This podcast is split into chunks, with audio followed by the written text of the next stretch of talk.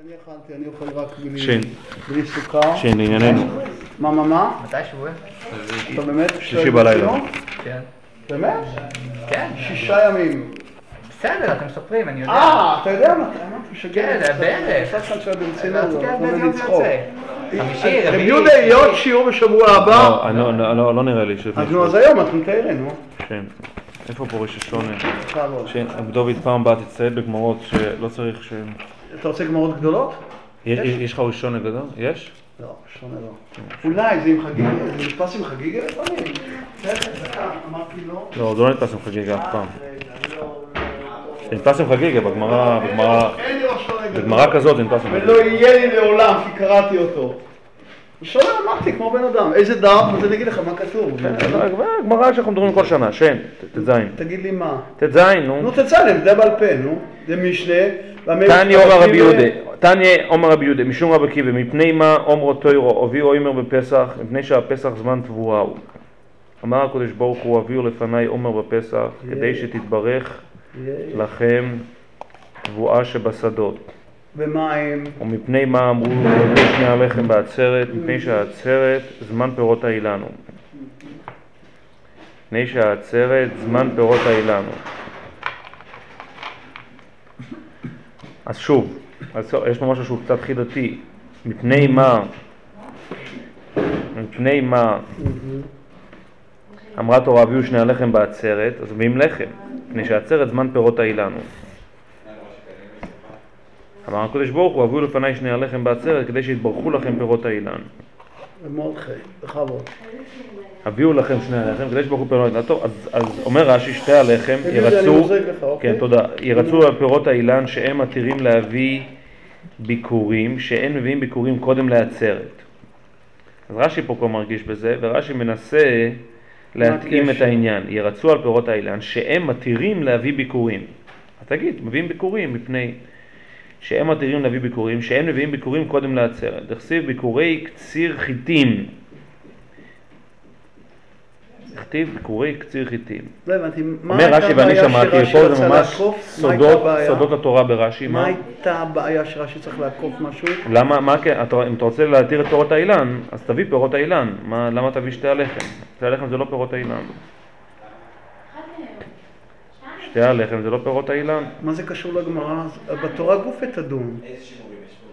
בתורה, איך לומדים בתורה נורמלי? אני לא אוכל ראש. בתורה מה? מה זה בתורה? למה, למה התורה ציוותה בלי שום קשר מה? לפרוט האילן? בלי החז"ל אז אין שום קשר.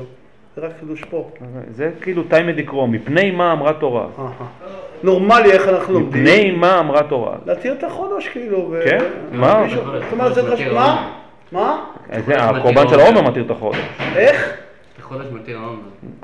העומר, אהה, זה בסדר. נו, אז- אז- אז מה- אז למה שתהיה לחם בנורמלי פשוטו של מיקרו? למה שתי הלחם מה?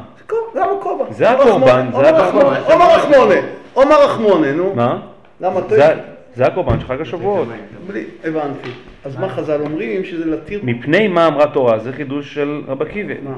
אומר רש"י, רצו על פירות? האילן שהם מתירים להביא ביקורים שאין מביאים ביקורים קודם לעצרת.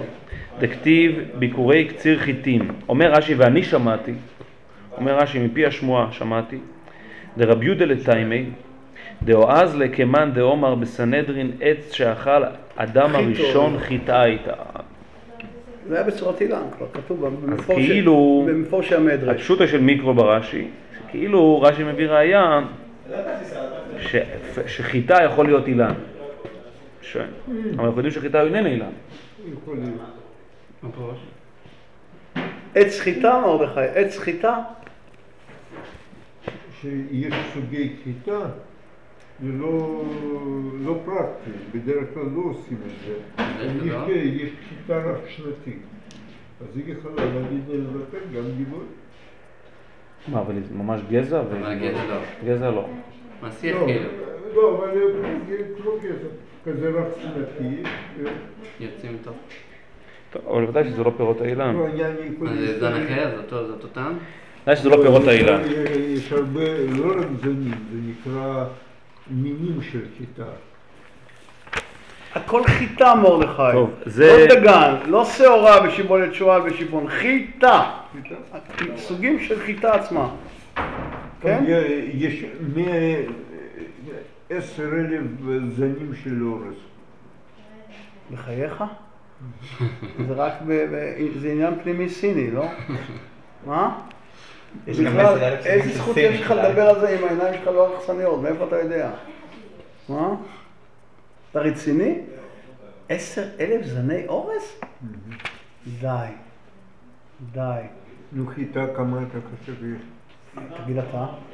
אה, משהו כזה, סדר גודל כזה אולי יותר? הכל בחיטה? וזה באמת שונה כאילו... שיין, גמרא, נוספת, חידתית, אניגמטית לא פחות, מסכת מגילה בדף ל"א, גם היא ידועה מאוד. תניא רבי שמעון בן אלעזר אומר, עזרא תיקן להם לישראל שיהיו קוראים קללות שבתורת כהנים קודם עצרת, ושבמשנה תורה קודם ראש השנה. תכלה שנה. מייתיימה עומר אביי ואיתיימה ריש לוקיש, כדי שתכלה השנה, תכלה השנה וקללותיה. בישלמה שבמשנת תורה איקה, כדי שתכלה השנה וקללותיה. אלא שבתורת כהנים עטו עצרת ראש השנה היא, אין, אומרת הגמרא, עצרת נמי ראש השנה היא דתננו בעצרת על פירות האילן. רבי יהודה, אתה כמובן יודע לפני ולפנים את רב מוישה שפירא. לפני שם, ולפנים. אז כן? מבחינת שאנחנו כולנו יודעים, כולנו חכמים, כולנו יודעים לספרו, אז מצווה עלינו לספר, זה ברור. אנחנו בכל זאת, הוא אנחנו... אומר את זה נפלא, אתה גם יודע? אתה יודע רבי ינקל. נפלא מאוד, לא. כי זה בכמה סדרות, בכמה שנים, כש- כששומעים את ה- את הרגע הטוב, לגבי זה, זה נפלא מאוד מאוד. מה? אתה רוצה אכיפה בתמצית? שנתית. נו, תגיד, נו. להגיד? כן, תגיד, נו. תמצית. כן, איסומור ביקש. נו, אני אגיד. נו. עוד חמש שעות אני אגיד, אני רוצה להתנסח את זה הכי טוב. הוא אומר, חצי דקה, אני אגיד את זה הכי... תנו לי חצי דקה, בסדר? בקיצור, לא, אני- אבל אני יכול להמשיך? לא, לא, לא. אה, נו. עשר שניות, שנייה. אומר רב מוישה שפירא, אני לא שמעתי את זה, אומר רב מוישה שפירא, רגע, רגע, רגע, אומר רב מוישה שפירא, כן, כן, וייצר הוא עם שני, אני אנסה, כן? וייצר. וייצר הוא עם שני יהודים, תנו לדבר, אתם כבר רוצים אז אני כבר אומר, וייצר הוא עם שני יהודים, אז היוד קומה, היוד קומה ולחיי אוילום הזה בלי תרא, בלי ההי של ריש לוקיש של יום השישי, אלא כמו כל הברואים, וזהו ראש השונה שעודום ניברו, כי בחופי אוילום, ב- בדייקה של הגוף, זה ה... הוויפח, היוד השנייה, התרא, השישי שמסקיים, לאוילום אבו, לתקן את מה שבעצם באודום הראשון היה גוף ונפש ביחד פה בעולם, מעבר לזה לגמרי, כמובן, בחיות אוי- אוילום הבית מוחלטת של עץ החיים, כמובן, אבל משהו מעין זה, אז זה בפלגינן אצלנו, היוד הקמאי זה, זה החיים הרגילים שלנו. כן, איך זה קשור לגמרא הזאת? מה? איך זה קשור מה? לגמרא הזאת? זה זה זה זה. לא רק- זה זה. כי פירות האילן זה בגימטריה נשומה? די, מה די. די? פירות- הגמרא אומרת אין, או אין אומרת הגמרא, עצרת נע מראש השנה היא. למה? דתנן, או בעצרת על פירות האילן. ואני שואל אותך, האם באטבש או בראשי תיבות, או משה, במשהו, אתה אני. לא אגיד לך, הוא לא, אני אני לא יודע בגמרא הזאת. לא, כל מה פירות שאמרתי זה לא רב מוישה בו זה רב מוישה, אני שמעתי את רב מוישה, אבל זה לא קשור הגמרא הזאת. אז על מה הוא אומר את זה אני השם? לא- לא יודע. על לא. שבועס, מה זה? לא, ודאי שהוא אומר את זה, זה ודאי שזה מאמר על שבועס, זה לא מאמר על... לא, לא, על זה, על זה, על זה, תודה רבה. לא אתה שם לי לצחוק יותר ממה שאני מצחיק. אבל זה פירות האילן, כתוב. הגמרא פה אומרת? פירות האילן. נו, אז זה הוא אומר. פירות. האילן זה גשמי פירות פירות נס. האילן, הרגע אמרנו שזה, שמה זה? ל- לאיזה יוד זה שייך בפירות האילן? ליוד יוד קאמה או יוד בסרה? ודאי שבשרויה, נו. בסרה, למה? פירות כמובן. האילן. מה? פירות האילן זה בסרה? נו ודאי. הרגע אמרת. למה? הרגע לא אמרתי שום הרגע דבר. אמרת. מה אמרתי? שחיתו זה, עוד המראשון, למאן דאמר את זה, הרגע הקראת את זה. לא. הרגע אמרת את זה. קודם כל זה לא על הגמרא הזאת, הגמרא שם, זה מה בסדר. זה משנה, נו, זה לא. סלסי. למה אתה מצשל אותם? לא, למה אני מפצה אותם? ברעיון. אני לא מפצה אותם, אני קורא שתי- שתי גמרות. רגע, לא בסדר. יש מה? כזה דבר, מה שאמרת הרגע? יש מה? שעץ שאוכל עוד המראשון, חיתו הויו. אז על זה אומר מוישה. אני עדיין לא, רגע, רגע. רגע, ונניח שחטא, ונניח, רגע, נו, ונניח מה שמשהו, הבעיה? ונניח שמשהו אכל היה חיטה, זה עדיין מוכיח שהחיטה... אז זה פירוסאין. הוא חיתו, הוא לא הוא. חיטה. חיטה, חיטה זה קאמה או בסרה? חיטה זה גש בסרה, בסרה? בסרה. כי אנחנו באים להגיד את. המדרגה, מה? אז אני. שכחתי משהו ברמי שלא, תגיד, תתקן אני אותי. לא יודע, אני לא יודע. רגע, כל מה שאמרתי זה רמי ש... אני אני לא יודע, אני- אני אני צריך לשחזר, אני לא יודע, נו. עכשיו אנחנו ניקח מה- הוא אומר, אני. אגיד לך משהו. הרי. שמואל אז אמרתי את. השמועה, יותר טוב או פחות. אם זה לא רמי ש... אז אני גאון בדרגת רמי ש... אני לא יודע, אני אני לא יודע, יש לא- ממש תחת יצחוק, מאמר מצוין על זה, ממליץ? לקרוא את זה בליל שבועס. אה, בצרקות יש מאמר מצוין על רגע. שמעת רמי שלא את זה זכרת? אני לא יודע, שלא אני? בדוד, איננו את הפריבילגיה. עכשיו זה, אה. נו, מה?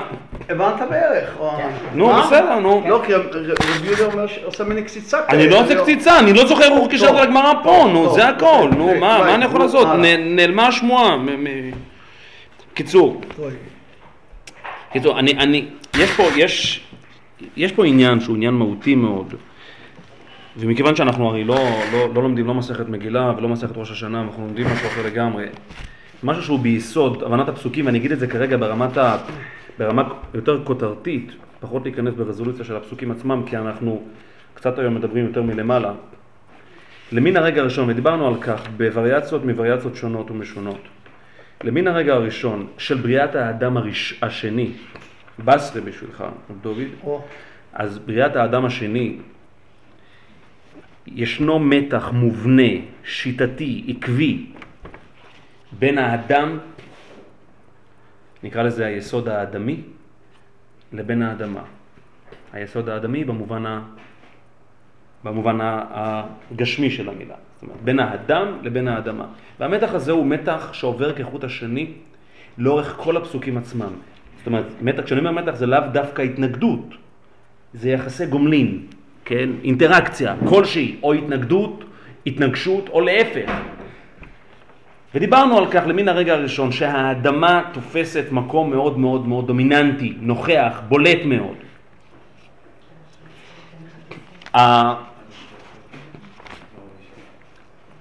דיברנו על כך, כן, בכל שיח השדה וכולי וכולי, ואדם אין לעבוד את האדמה, ועד יעלה מן הארץ, וישקע את כל פני האדמה, וייצר השם אלוקים את העפר מן האדמה.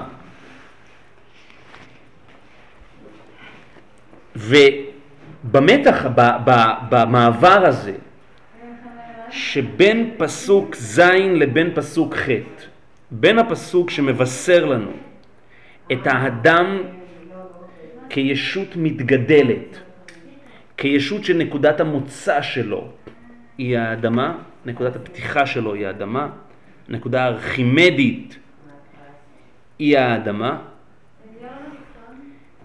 בפסוק ח' מה שקורה זה שברגע אחד, כמין רגע אחד, האדמה פשוט נעלמת, אין אדמה. מה זה פסוק ח' ויתה השם אלוקים גן בעדן מקדם, וישם שם את האדם אשר יצר, והפסוק שמחדד ומחריף עוד יותר את הבשורה על, על היעלמותה של האדמה. ויצמח השם אלוקים מן האדמה. כל עץ נחמד למראה וטוב למאכל ועץ החיים בתוך הגן ועץ הדעת טוב ורע. ופה אנחנו הרי אוחזים. איתמר אתה יכול להיות רגוע, שבוע שעבר לא היה שיר. לכבודך. אתה רואה, ביטלנו בית המדרש. בכל מקרה, אז כמובן שאם יש דבר שמאפיין גן, המאפיין הכי בסיסי של גן הוא שבעצם ה- הצמיחה, הבוטניקה, כל ההתרחשות הבוטנית הזו בעצם מה שנקרא בלשון הפסוק מכסה את פני האדמה. אין פני האדמה. פני האדמה מכוסה.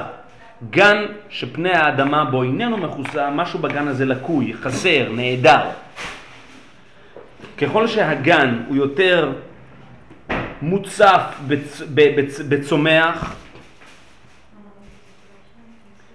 אז הוא יותר גן, ככל שפחות רואים, בקיצור, ככל שפחות רואים את האדמה. יש משהו באדמה, יש משהו באדמה, לפני חצי שנה אמרת... באדמה החשופה. הכל מהאדמה. הכל באדמה, התפתחות של האדמה אבל, בעצם. אבל הרעיון בעצם של הגן, של אבל האדמה. הרעיון של הגן, הרעיון של הגן, הבשורה שהגן מביא איתו, שהגן מביא איתו ומעניק למי שחוסה בצילו, תרתי משמע, למי שחוסה בתוכו, הוא שבעצם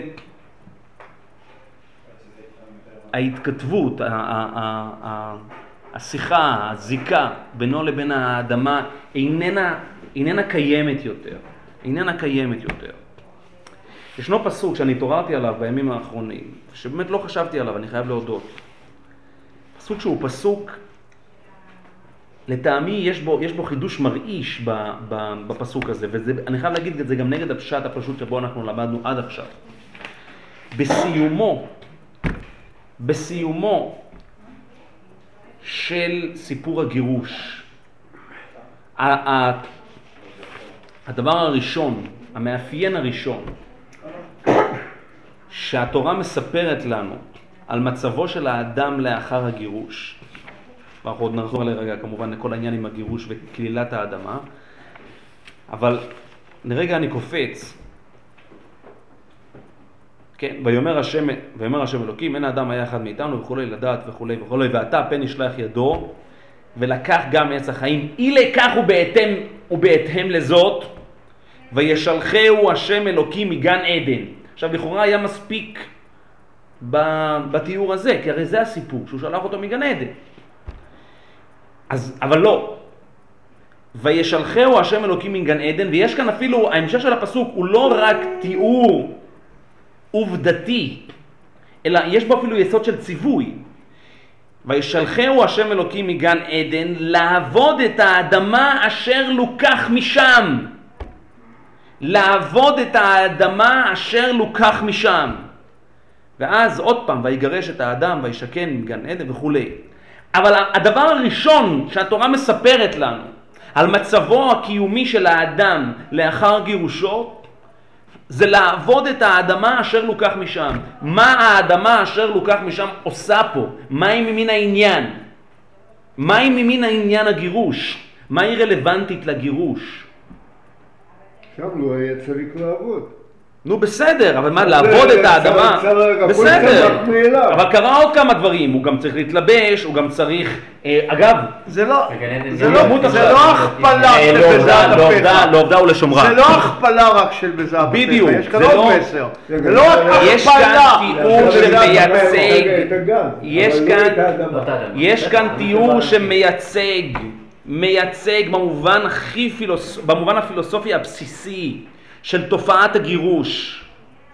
המייצג הבסיסי של תופעת הגירוש הוא לעבוד את האדמה אשר לוקח משם.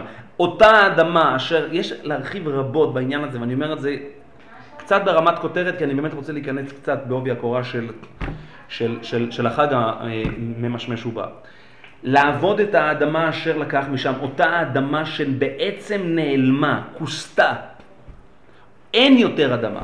עכשיו, זה נראה על פניו שהוא כביכול לא היה קיים באותה אדמה. זאת אומרת, לקחו אותו מהאדמה, שמו אותו בגן עדן, עכשיו החזירו אותו לאדמה.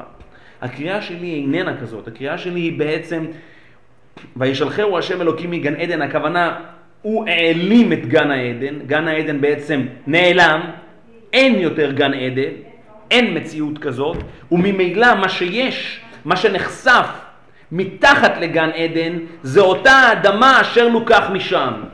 והאדמה אשר לוקח משם הכוונה שבעצם האדם המגורש חוזר בעצם למצבו להיות כ- כאדם המתגדל. הוא חוזר למצבו הבסיסי של האדם המתגדל. הבשורה הזו שמבושרת, שהפסוק מבשר לנו בפרק ב' פסוק ז' וייצר השם אלוקים את האדם עפר מן האדמה ויפח באש- באפיו רוח חיים ויהי האדם לנפש חייו. ויפח באפיו נשמת חיים ויהי האדם לנפש חיה. הבשורה הזו בעצם שטיבו של האדם הוא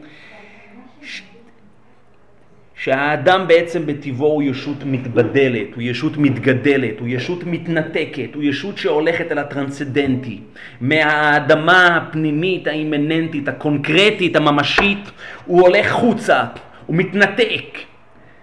מה שבעצם קורה בעצם בפסוק ח' שמבשרים לנו וישם שם את האדם אשר יצרו, זה בעצם שהאדם המתגדל בעצם נכנס למין סוג של כלוב, למין סוג של מציאות שעוטפת אותו, שלופפת אותו, של שלמות כזו. עכשיו, השלמות היא בעצם שלמות שבעצם אין שם אדמה, זה לא שהוא מתאחד עם האדמה, הוא ממש לא מתאחד עם האדמה, הוא מתאחד עם עץ החיים, הוא מתאחד עם ההרמוניה, הוא מתאחד עם איזושהי חגיגה בוטנית אינסופית, עם איזושהי אסתטיקה בלתי פוסקת. זה לא האדמה שהיא ישות קונקרטית, אינדיפרנטית לחלוטין, שלא מדברת אליו, שמתנגשת באופייה. אימננטיות בהחלט. מוחלטת. לגמרי. להבדיל מן האדמה, שהאדמה לא נותנת כלום. האדמה לא נותנת כלום. ואגב, הבשורה על כך, עוד לפני שאנחנו מזדקקים אל הפסוק שציטטתי מקודם, לעבוד את האדמה אשר לוקח משם, כמובן שהפסוק שמדבר על כך, הדבר, הדבר המיידי שהקדוש ברוך הוא אומר לו לאחר החטא, ואתה ארור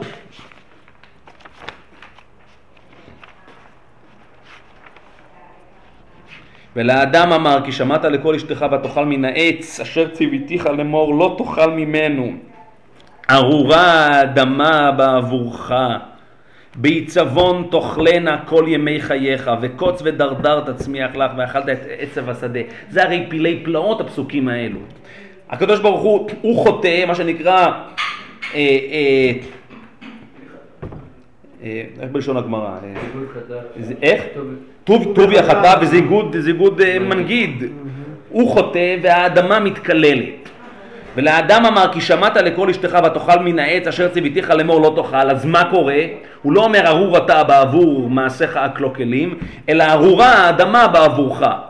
הוא חוטא ואז אומר, איי, אתה יודע מה קורה עכשיו? עכשיו תדע לך שהאדמה תהיה ארורה. ארורה האדמה בעבורך, בעיצבון, שרש"י מביא מיום בעיצבון שלישי, תאכלנה כל ימי חייך, כן. וקוץ ודרדר תצמיח לך. אומר רש"י וקוץ ודרדר, עוד- עוד, אתה רוצה לקרוא רש"י, נקרא רש"י, "הדור- הארורה האדמה בעבורך, תעלה לך דברים ארורים כמו זבובים ופרושים ונמלים, משל יוצא לתרבות רעה והבריות מקלגל, גם על כך, טוב, נדבר על כך בשעתו. וקוץ ודרדר תצמיח לך הארץ שתזרענה מיני זרעים תצמיח קוץ ודרדר קונדס ועקביות והם נאכלים על ידי תיקון. טוב, בכל מקרה, אז, אז זה הרי, זה הרי, זה הרי, זה הרי חידה סתומה, זה הרי סניגרי הפסוקים האלה. בעצם מה שבעצם נאמר פה, שהאדם בעצם חוזר, ארורה האדמה בעבורך הכוונה, שהאדמה לא, לא, לא, היא לא מכוסה, היא חוזרת להיות חושפנית, היא חוזרת להיות אדישה, וכשהיא אדישה והיא לא... המציאות של האדמה כשהיא איננה אדישה זה כשצומח בה גן עדן, שצומחים בה, שצומח, שהיא מצמיחה מתוכה כל מילי דמיטב, והיא לא עומדת לכשעצמה. האדמה לכשעצמה היא ישות אינדיפרנטית שאין לה אח ורע באדישות הזו. וכשהיא, והאדישות הזו באה לידי ביטוי, הביטוי הכי ממשי, איך, איך, איך האדישות הזו באה לידי ביטוי, זה וקוץ ודרדר תצמיח לך. הכוונה היא, היא עושה מה שבא לה, היא לא מחויבת אליך. או אם נרצה, כשאנחנו רוצים, כשאנחנו שרטטנו, רבי ינקב, שרטטנו את האדמה, את הפלטפורמה, שהיא כולה פונקציונלית אל הסובייקט, שהיא כולה שמה את עצמה כתשתית קיומית של הסובייקט, היא לא יכולה להצמיח קוץ ודרדר, כי קוץ ודרדר לא רק שאין לאדם שימוש בקוץ ודרדר, אלא היא אפילו באיזשהו מקום פוגעת באדם.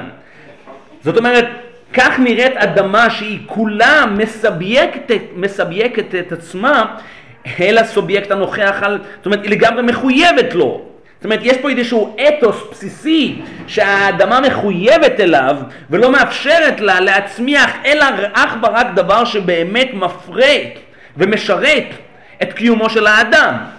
עכשיו, אם אנחנו רוצים אה, ביטוי שהוא אנטיתזה לכך, זו אדמה שמצמיעה קוץ ודרדר, זאת אומרת, היא אפילו באיזשהו מקום גירה בעיני של האדם, היא אפילו באיזשהו מקום מתנגדת לו, בלי שום היסוס. היא מתנגדת, היא, מצמ... היא מצמיחה לו קוץ ודרדר, זאת אומרת, אני, אני, היא, עושה מה שבא לה, והאדם רוצה לעשות, הוא יעשה מה שבא לו. וזאת בעצם הקללה. הקללה היא בעצם שהאדמה חוזרת אל האינדיפרנטיות הנצחית שלה, אל, אל, אל, אל, דממת, ה- אל דממת האדישות האדמתית הזאת, שהאדם הוא בסופו של דבר בסדר, הוא נמצא, הוא לא נמצא. וההמשך הוא, ההמשך הוא, בזיעת אפיך תאכל לחם. עד שובך אל האדמה, כי ממנה לוקחת, כי עפר אתה ועפר תשוב. עד בזיעת אפיך תאכל לחם, כי ממנה לוקחת, כי עפר אתה ואל עפר תשוב. הווה אומר, לא רק אם אנחנו רוצים לראות את ה... בסופו של דבר, את שני צידי המטבע של יחסי הגומלין של מין מעתה ואילך, איך הולכים להיראות יחסי הגומלין, יחסי הקח ותן, המשא והמתן שבין האדם לבין האדמה, אז, ה, אז התן, התן של האדם, הלקיחה של האדם מן האדמה, זה האדם לוקח מן האדמה לחם. אבל בזיעת אפיך תאכל לחם כי האדמה לא מחויבת לו כלום. היא לא מחויבת לו כלום, אבל הדבר שהוא מוציא ממנה, הוא מוציא ממנה לחם. סגור סוגריים, ואנחנו עוד לרגע רגע נחזור לכך. אבל השליטה של, בדיוק כמו ש... בדיוק, בדיוק כמו ש...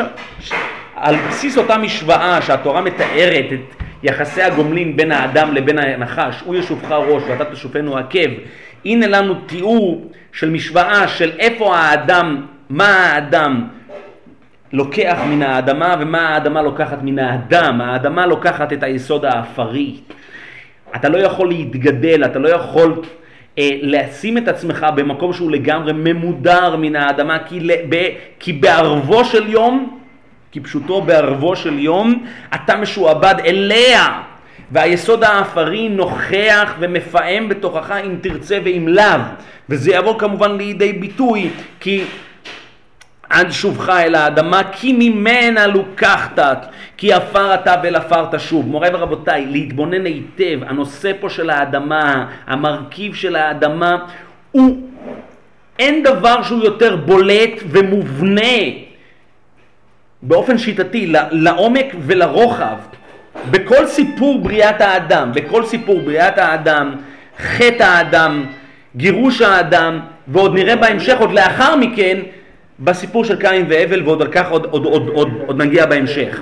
על כל פנים לענייננו, כאן בפעם הראשונה, בפרק ג' פסוק י"ט, בפעם הראשונה מופיעה המילה לחם. בזיעת אפיך תאכל לחם. האדם, ופה אני רוצה לומר משהו שהוא, יש בו מן החידוש, אבל לטעמי הוא פשוט. הפעם הראשונה שבעצם האדם נחשף אל הפרודוקט הזה, אל המוצר התזונתי הזה, שעונה לשם לחם, היה עכשיו, ברגע זה, כשמבשרים לו על גירושו. הוא לא אכל לחם. אלא אם כן אנחנו, או נראה, ש... למאן דעומר. למאן דעומר ש... למאן דעומר. למאן דעומר ש- שהוא אכל חיטה. אבל, אבל, בג... או, או אם נרצה, אני אומר זאת כך, אני אומר זאת כך. לחם זה לא נמצא בתפריט של הבית קפה שנקרא גן עדן. לא. זה דבר ראשון. יש שם הרבה דברים, לא לחם. קרסון. לא אוכלים שם לחם. קרסון אוכלים. אוכלים הרבה דברים. אם אין לחם, אוכלים עוגות, אוכלים דברים, דברים, הרבה, דברים קצת יותר, קריות תושים, אוכלים לכן כל הם מיני... הטיסו אותה, אמנם הראש והגוף לחוד, הם הטיסו? אותה לגן עדן. כן. על על ההגד. אבל לחם לא אוכלים שם. לחם במובן הלחמי, הבסיסי של המילה.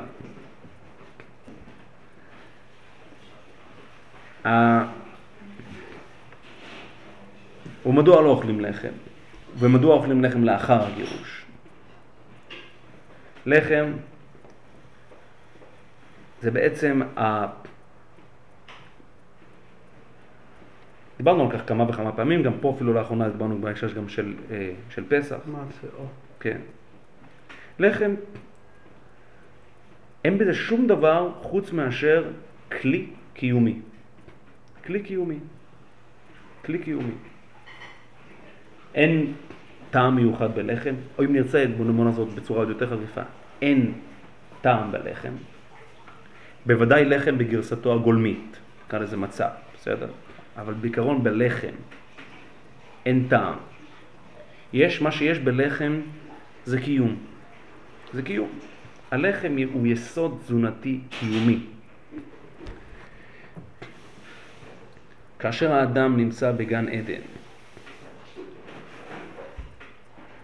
התשואה שלו מן הטבע, הדבר שהוא בא, שהוא בא לקחת מן הטבע, הוא, בא, הוא לא בא לקחת את הקיום, הוא לא בא לתבוע את הקיום, הקיום מובנה בעצם הווייתו, הוא נמצא בתוך הקיום עצמו.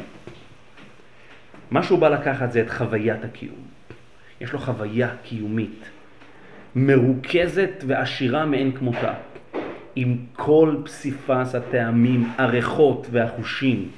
בכלל, חוויית התזונה שלו היא חלק אינטגרלי מכלל החוויה החושנית שבתוכו הוא נמצא. הרי הוא לא אוכל בשביל להתקיים, הוא נמצא בתוך הקיום עצמו. הוא עץ החיים בתוך הגן. הוא לא אוכל בשביל להתקיים, הוא אוכל כחלק מ, מעצם חוויית החיים, מעצם חוויית החיים. קוראים לזה היום הדוניזם, כך קוראים לזה. זאת חוויה הדוניסטית. זאת חוויה שבעצם אין בה שום מרכיב אינסטרומנטלי, אמצעי, באכילה. היא לא באה לשם משהו, היא באה לשם עצמה.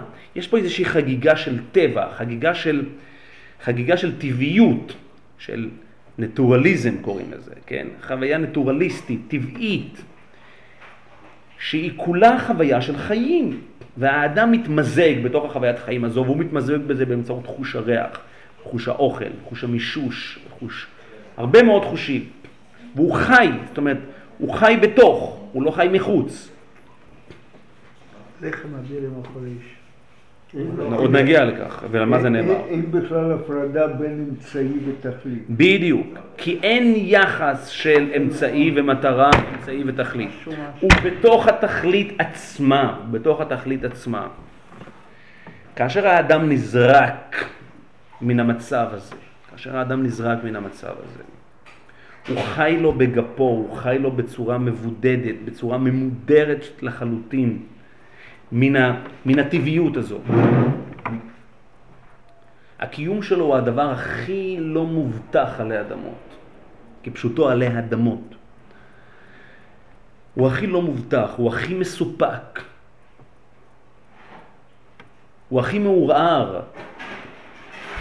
אתם יודעים מה? הוא לא יכול לאכול... הוא לא יכול הוא, הוא, הוא, הוא מוגבל בתוך ה... הוא מוגבל מבחינה מנטלית, הוא מוגבל מבחינה מוסרית, הוא לא יכול לאכול בעלי חיים, עוד דיברנו, נדבר על כך. הרבה מאוד דברים שהוא בעצם שמגבילים אותו, שממדרים אותו. היסוד התזונתי הבסיסי, הגולמי ביותר, שמעניק לאדם את האפשרות להתקיים, את האפשרות להיות, או אם נרצה, מה שהאדמה יכולה להועיל בטובה לתת לאדם, זה שהיא מעניקה לו לחם. כשהיא מעניקה לו לחם, עכשיו, היא גם לא מעניקה לו לחם, הוא צריך לקחת ממנה את הלחם. זה אגב הכוונה בזיעת אפיך תאכל לחם. היא לא תעניק לו את זה. הוא צריך לעמול, הוא צריך, מה שנקרא בלשונו של צ'רצ'יל, דם, יזע ודמעות, כן? בזיעת אפיך תאכל לחם. אז הרבה דם, יזע ודמעות בשביל לקצור את הקיום, לקצור את הלחם, להגיע אל המצב שיש לו את הפריבילגיה להתקיים, אחרת באמת אין לו פריבילגיה קיומית ברמה הפיזית הכי בסיסית. אגב, הוא מוגבל מבחינה אסתטית, דבר שהוא לא היה מוגבל לפני כן. הוא לא יכול למשל לגור בטבע, להיות בתוך הטבע, הוא צריך קירות, הוא צריך קורת גג, הוא צריך בית, הוא צריך משהו להתכסות. הוא מוגבל, בקיצור הוא מוגבל כמעט מכל אספקט קיומי שרק יכול להיות, דבר שלגמרי מעמיד בספק ממשי את הקיום שלו. מעמיד בספק אמיתי את הקיום שלו. ובסופו של דבר הכל יקום וייפול על הדבר הזה שנקרא לחם. ועל זה יחרץ גורל קיומו, אם יהיה לחם או לא יהיה לחם. ובשביל הלחם הזה הוא צריך לקחת מן האדמה. האדמה לא תיתן לה אותו. אין שום אין שום אקסיומה בטבעה של האדמה שהיא אמורה לתת לה אותו, היא לא חייבת לו מאום. ולכן בשביל זה הוא חייב לעמול, הוא חייב להתייגע, להתייזע על הלחם הזה. מה? להילחם על הלחם הזה, בדיוק, להילחם על הלחם הזה. אם הוא לא יילחם זה לא יהיה, להיאבק, ולהיאבק תמיד מלחמה יש בה, יש בה יסוד של קיום, מלחמה שהיא איננה על קיום, איננה מלחמה. אז זה מלחמה של, מלחמה במחשב, זה משחקי מלחמה, זו לא מלחמה. מלחמה היא תמיד נוגעת ביסוד הקיום. דבר שמאיים על הקיום זוהי מלחמה. אם, לא, אם הקיום לא עומד בסכנה, המלחמה היא איננה מלחמה. אז הקיום שלו, המלחמה שלו היא על הלחם. אין ברירה. לאו דווקא, כי גם אחרי הברירה יש סכנת חיים. אז זה. המלחמה היא לעולם, אגב, מי שמנצח במלחמה הוא, מנ... הוא, הוא מונצח, הוא זה שבעצם הצליח להתגבר על הסכנה הקיומית, סכנת המוות. הוא, נצ... הוא כביכול כאילו מנציח את עצמו. מה זה מלחמת אה, רשות זה מליצה? מלחמת רשות? בחרו. להיכנס מלחמת רשות שאין. לא, מלחמת רשות, בעגה ההלכתית מלחמת רשות. בתורה לא, זה בתורה, לא, לא, לא, לא, לא, לכבוש לא, מעל לא- ארץ ישראל, לא כאילו. גבולות ההבטחה. לא, תקשיב, לא לא כשאלכסנדר כל מוקדון- אחד לכבוש את אנגליה מעל גבולות ההבטחה זה מלחמת רשות. סתם פעולות, סתם פעולות בעל מה? אופי אימפריאליסטי זה לא לא מלחמה, מלחמה, לא לא, לא, אבל בסופו של. דבר היא מלחמה, בסופו של דבר. גם כשאלכסנדר מוקדון הולך להילחם. הוא מעמיד את עצמו לא בסכנה קיומית. זה שהוא נכנס לזה מידה, זה לא הופך את זה לא למלחמה. בכל מלחמה, מקרה. סכנת לא משנה. כל מלחמה, זה לא משנה. גם כש- גם כשאנשים... נכנסים למלחמה מתוך מתוך מוצא כן. טוב, בסופו של דבר היא הופכת להיות סכנה קיומית, זה לא ממש משנה. הם יודעים שהם יכולים לא לחזור מן המלחמה. בכל מקרה, לענייננו, אז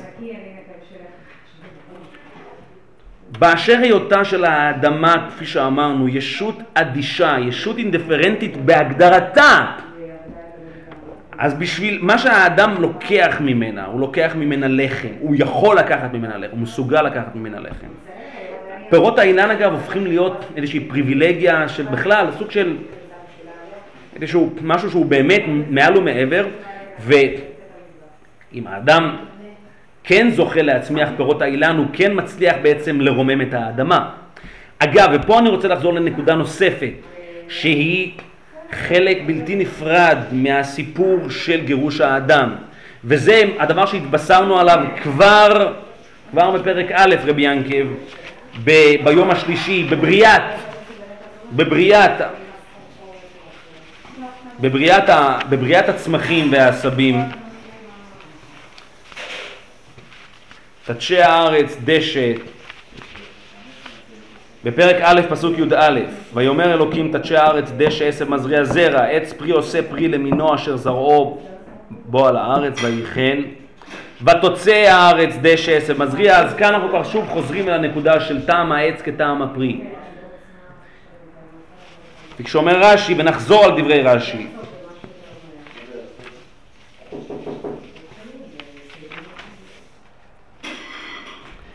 ותוצא הארץ אף על פי שלא נאמר למינהו בתשעים בציווייהן שמעו שנצטוו האילנות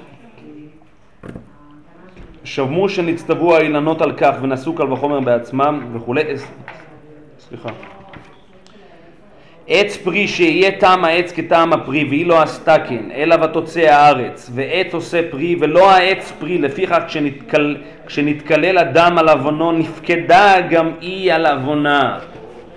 ההבדל בין טעם העץ, וגם על כך דיברנו כמה וכמה פעמים, שההבדל בין טעם העץ כטעם הפרי לטעם העץ איננו כטעם הפרי, זה שהטעם העץ כטעם הפרי זה שהאדמה בעצם מתאחדת עם הפרי, שאין את המרכיב החוצץ בין האדמה לבין הפרי. כאשר אין טעם העץ כטעם הפרי, אז המשמעות היא שהגזע בעצם חוצץ בין האדמה לבין הפרי. מה שהאדמה מוציאה מתוכה, היא לא מוציאה את הפרי, היא מוציאה עץ. אין טעם העץ כטעם הפרי. היא מוציאה משהו שהוא לגמרי, הוא לגמרי חסר משמעות בשביל האדם. הוא לגמרי חסר משמעות בשביל האדם. המשמעות בשביל האדם זה הרי הפרי. זאת אומרת שהאדמה נשארת ברובד, ה, ברובד הקונקרטי שלה, ברובד הבסיסי שלה, והפרי זה מין איזשהו ניצחון על האדמה. זה מין איזשהו ניצחון על האדמה. צריך להתגדל, כן, ככל שהעץ גם גדל יותר, הוא גם עץ איתן יותר, חזק יותר, הפירות שלו טובים יותר. אז, אז, אז, וזה בעצם ניצחון על פני האדמה, וזה, לכן הפירות, הפירות באמת מייצגות את הניצחון, את הניצחון על פני האדמה. יש פה איזשהו סוג של התגדלות, והנה, יש כאן משהו שהוא ממשי ומעניק פירות לאדם. ההבדל בהקשר הזה, ההבדל בהקשר הזה בין הלחם לבין הפירות, בין החיטה, בין החיטה לבין פירות האילן, שאצל החיטה אין את המרכיב של טעם העץ כטעם הפרי, כי אם תרצו, אצל החיטה טעם העץ דווקא כן כטעם הפרי. זאת אומרת, אין בכלל עץ, יש רק פרי, אין עץ. לא הבנתי, יש הרי את המוץ. אבל זה לא עץ, זה בדיוק העניין, שאין את ההפרדה הזו, אין את ההפרדה הדיכוטומית הזו בין הפירות לבין האדמה. אלא מה? אין, מה שבעצם קורה אצל פירות האילן, שישנם שני, שני, שני כוחות, שני כוחות שמתקיימים זה לעומת זה. ככל שהטיבו של העץ הוא התגדלות, עכשיו טיבו של העץ אני גם מתכוון במובן האיכותי של העץ. ככל שהעץ הוא יותר, הוא יותר, הוא יותר מעל פני האדמה, אם נרצה. הוא יותר, הגזע שלו, בקיצור, הגזע שלו איתן יותר, חזק יותר. הגזע שהאדמה מוציאה מתוכה, הגזע שהאדמה מוציאה מתוכה הוא חזק ואיתן יותר, אז פירותיו טובים יותר, איכותיים יותר. הוא יותר בר קיימא. ככל שהוא יותר עדיין, ככל שהוא יותר עדיין מסופח אל האדמה, מקורקע אל האדמה, אז קיומו הוא בספק, קיומו בספק. ובהקשר הזה בדיוק, בהקשר הזה בדיוק, באה ההכרזה כי האדם עץ השדה. זאת אומרת שמצד אחד הוא לעולם לא יכול להתנתק מן האדמה, להפך, הוא מכה שורשים באדמה, אבל הוא מתגדל מעל פני האדמה. הוא מתגדל מעל פני האדמה, הוא מתרחק מהאדמה. ושני הכתבים הללו מתקיימים זה לעומת זה כשני שני יסודות דיכוטומיים. העץ רוצה להתרחק מהאדמה, הוא לא רוצה להיות קרוב לאדמה כי זה מה שיבטיח לו את קיומו. אבל מה ש... אבל מה ש... אבל... אבל מה לעשות שבמצב הנוכחי של האדם, פירות האילן זה כבר סוג של תשואה שהיא כבר מעבר. בפירות האילן יש כבר מרכיב של ניצחון על האדמה, מה שלא קיים אצל חיטה. חיטה לא מנצחת את האדמה. חיטה, מה? בהחלט, נכון, מה הוא אומר? פירות אדמה. נכון. הוא אומר על הברוכה, הברוכה תעיד. לא, אני, אם אנחנו מדברים על הברכה, אגב, כן, הברכה אם, אם, רגע, נכון? נכון, אם אנחנו מדברים, נכון, נכון, נכון, סליחה, סליחה, סליחה, אני מסכים, נכון, נכון, נכון, נכון. נכון, נכון, נכון, בוודאי. שהברוכה תעיד, נו. אם אני, אם אנחנו ניקח לרגע, נשכח לרגע מירקות. הברכה שאנחנו מברכים על הלחם, זה המוציא לחם מן הארץ. זאת אומרת, את הלחם אנחנו לגמרי מייחסים אל הארץ, אל האדמה. ודי כארץ. זה דומה כן. לפרי האדמה. רגע, רגע, זה דומה לפרי רגע, האדמה. רגע, מבחינה זה נכון, מהבחינה לפרי הזאת האדמה. זהה לפרי האדמה, אני מבחינה כרגע לא זה נכנס. לניואנס של ארץ, כן, של כן. ארץ ואדמה. נכון. אבל, אבל יש, אני לרגע שם בצד את ה... לרגע אני שם בצד את המרכיב של ארץ ואדמה. אבל יש, יש, יש נוסח נוסף, זאת אומרת, השינוי הוא לא רק בהקשר הזה. ל- לאר- ל- ל- ללחם אנחנו, את, את הלחם אנחנו לא מזהים כפרי האדמה. ולכאורה הוא אמור להיות בדיוק פרי אדמה כמו כל דבר אחר. אנחנו כן מזהים יסוד של הוצאה. זאת אומרת, דבר שיצא מן האדמה. כביכול הייתי אומר אפילו חולץ מן האדמה. חולץ מן האדמה. המוציא לחם מן הארץ. זאת אומרת, היסוד הארצי נמצא, אבל הוציאו אותו מן האדמה. כשאנחנו אומרים בורא פרי האדמה, הרי המשוואה המיידית היא בורא פרי העץ. זאת אומרת שכביכול העץ של הירקות זוהי האדמה, בורא פרי האדמה, בורא פרי העץ. העץ של האדמה זה בעצם הירקות. בעצם כמעט הייתי אומר שכשאתה אוכל ירקות אתה אוכל אדמה. רק אין טעם העץ כטעם הפרי. אתה לא אוכל, אתה לא, אתה לא אוכל את העץ, אתה אוכל ירק. ודיברנו על כך שבעצם ירק, ירק, לא בכדי, כן, הצבע, י- ירק, ירק זה ירוק, כן, ירק רוקת. אין פה שום יציאה, זה בסך הכל הצביעה של האדמה, שזה גם משהו. דיברנו על כך ביום השלישי, בדשא. שבעצם האדמה הופכת למרכיב צורני, יש פה מרכיב צורני. אבל זו לגמרי אדמה, זו עדיין לגמרי בבחינת אדמה.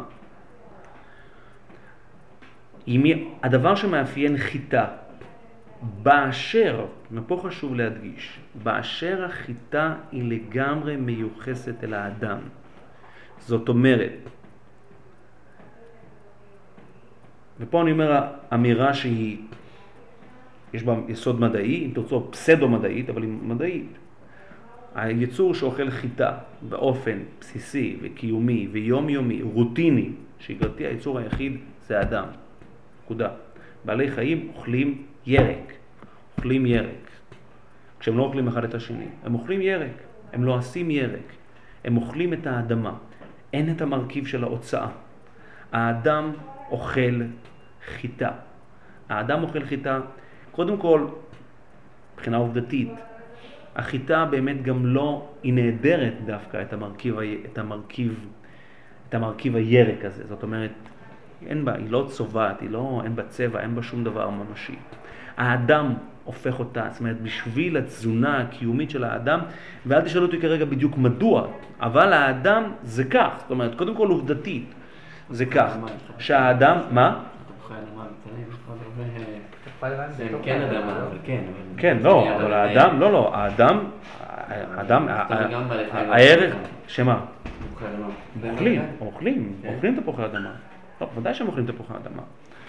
לא, בוודאי שהם אוכלים תפוחי אדמה, אבל הם לא אוכלים חיטה, אין, להם בדייקה חיטה. יש בחיטה.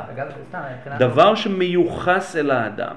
עכשיו, מיוחס אל האדם והאדם עמל עליו, זאת אומרת, האדם, האדם עמל על לחמו וכביכול נלחם באדמה על לחמו, זאת אומרת, הוא בזיעת אפיך תאכל לחם ולחם בדייקה. לא תאכל תפוחי אדמה. אגב, בשביל, בשביל לאכול תפוחי אדמה הוא לא צריך לעמול. האדמה תוציא, בשביל, בשביל לאכול לחם הוא חייב לזרוע, והוא חייב לחרוש, והוא חייב, בשביל דברים אחרים, עד כמה שידוע לי, הוא פחות זקוק לכך. בכל מקרה, התפתחות תרבות במחקר האנתרופולוגי קשורה קשר הדוק לאפיית לחם. מה? בוודאי, בוודאי, בוודאי, בוודאי, בוודאי, הלחם מאז ומעולם היווה את ה... היווה יסוד בכל ציוויליזציה, זאת אומרת יסוד, יסוד אה, תרבותי, בוודאי, בוודאי. שוב, המרכיב הזה של ההוצאה, שוב, של הניצחון על האדמה, אבל זה לגמרי משהו, פרי העץ זה הניצחון של העץ, זאת אומרת, אנחנו אומרים בורא פרי העץ, וזה באמת רמה אחת מעל כמובן בורא פרי האדמה. אבל אם יש משהו שבסופו של דבר, אם יש משהו שבסופו של דבר אה, אה, לגמרי מיוחס לקיומו של האדם, ובאמת האדם מסבייקט את, ה, את, ה, את, ה, את, ה, את, ה, את, ה, את המרכיב התזונתי הזה, זו החיטה. אגב, הראייה הכי פשוטה למה שאנחנו אומרים עכשיו, זאת כאשר, הרי אנחנו יודעים את ההלכה הידועה, שכאשר האדם קובע סעודה הוא מברך המוציא לחם מן הארץ, גם על דבר שלא, שלא מברכים עליו המוציא לחם מן הארץ. ומדוע? מכיוון שהברכה של המוציא לחם מן הארץ היא איננה ברכה אובייקטיבית על משהו שהוא המוציא לחם מן הארץ, אלא על משהו שהוא, היא הברכה על הקיום. היא על הברכה על הקיום, על התזונה הקיומית. ואם כרגע אני קובע סעודה, הכוונה, אם כרגע אני בסו, ב, בסיטואציה הסובייקטיבית, קיומי בעוגה. בסובייקטיבית הקיומית שלי, זאת כרגע העוגה. וזה לא משהו שהוא איזשהו לוקסוס תזונתי, בורא מיני מזונות, הרבה סוגים של תזונות. אם מבחינתי זה מצטרף אל התשתית הקיומית הבסיסית שעליה אני נלחם, אני אוכל איזה ארוחת בוקר, אני קובע סעודה, כן, אני צריך את זה, אני מתייחס לזה ברמת הסובייקט שלי כמשהו שהוא נזקק לקיומי, אז הברכה היא המוציא לחם מן הארץ וזוהי ראייה שאין עליה תשובה. בכל מקרה, ה-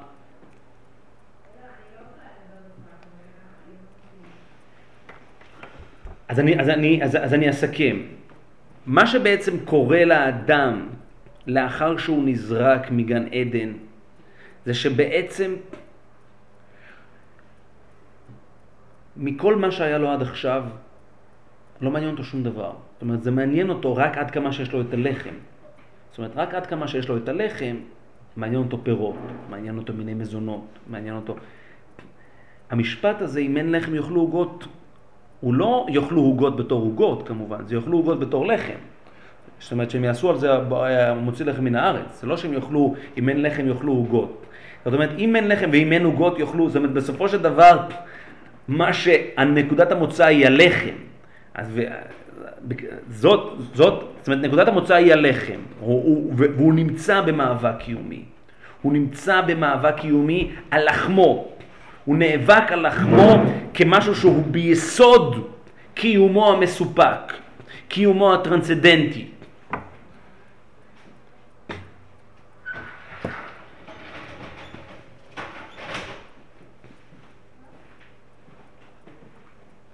אותו המאן דאמר,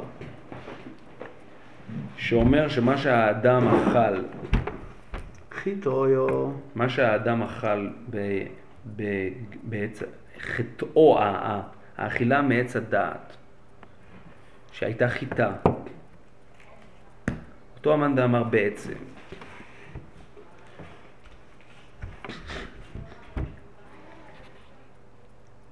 רואה באכילה של האדם מעץ הדעת מין איזשהו סוג של מרד. כביכול האדם, כביכול האדם חושק במציאות המסופקת. הוא חושק במציאות, במציאות של הלחם. זאת אומרת, הוא בא ואומר, הוא לא רוצה לאכול עוגות, הוא לא רוצה לאכול פירות, הוא רוצה לאכול לחם. זאת אומרת, הוא רוצה, הוא חושק בדיוק במצב הזה של בזיעת אפיך תאכל לחם. כמו שאמרתי מקודם, לא הייתה שם שום חיטה אחרת מלבד אותו עץ הדעת, כן? למאן דאמר עץ הדעת, חיטה הייתה. כן? זה ברור הדבר, שכשאותו מאן דאמר אומר שעץ הדעת שאדם אכל חיטה איתה, אז הוא מתכוון להגיד שזאת הייתה החיטה היחידה. זאת אומרת, היה שם הכל, הכל היה שם, חוץ מאשר חיטה. כן, כשהפסוק מתאר, זה אגב, בפסוקים עצמם, כן, הפסוק מתאר, ויצמח, ויצמח השם אלוקים גן בעדן מקדם, ויטע, סליחה, ויטע השם אלוקים גן בעדן מקדם, וישם שם את האדם אשר יצר, ויצמח השם אלוקים מן האדמה, כל עץ נחמד למראה וטוב למאכל, ועץ החיים בתוך הגן. חיטה היא לא נחמדת למראה, והיא לא טובה למאכל.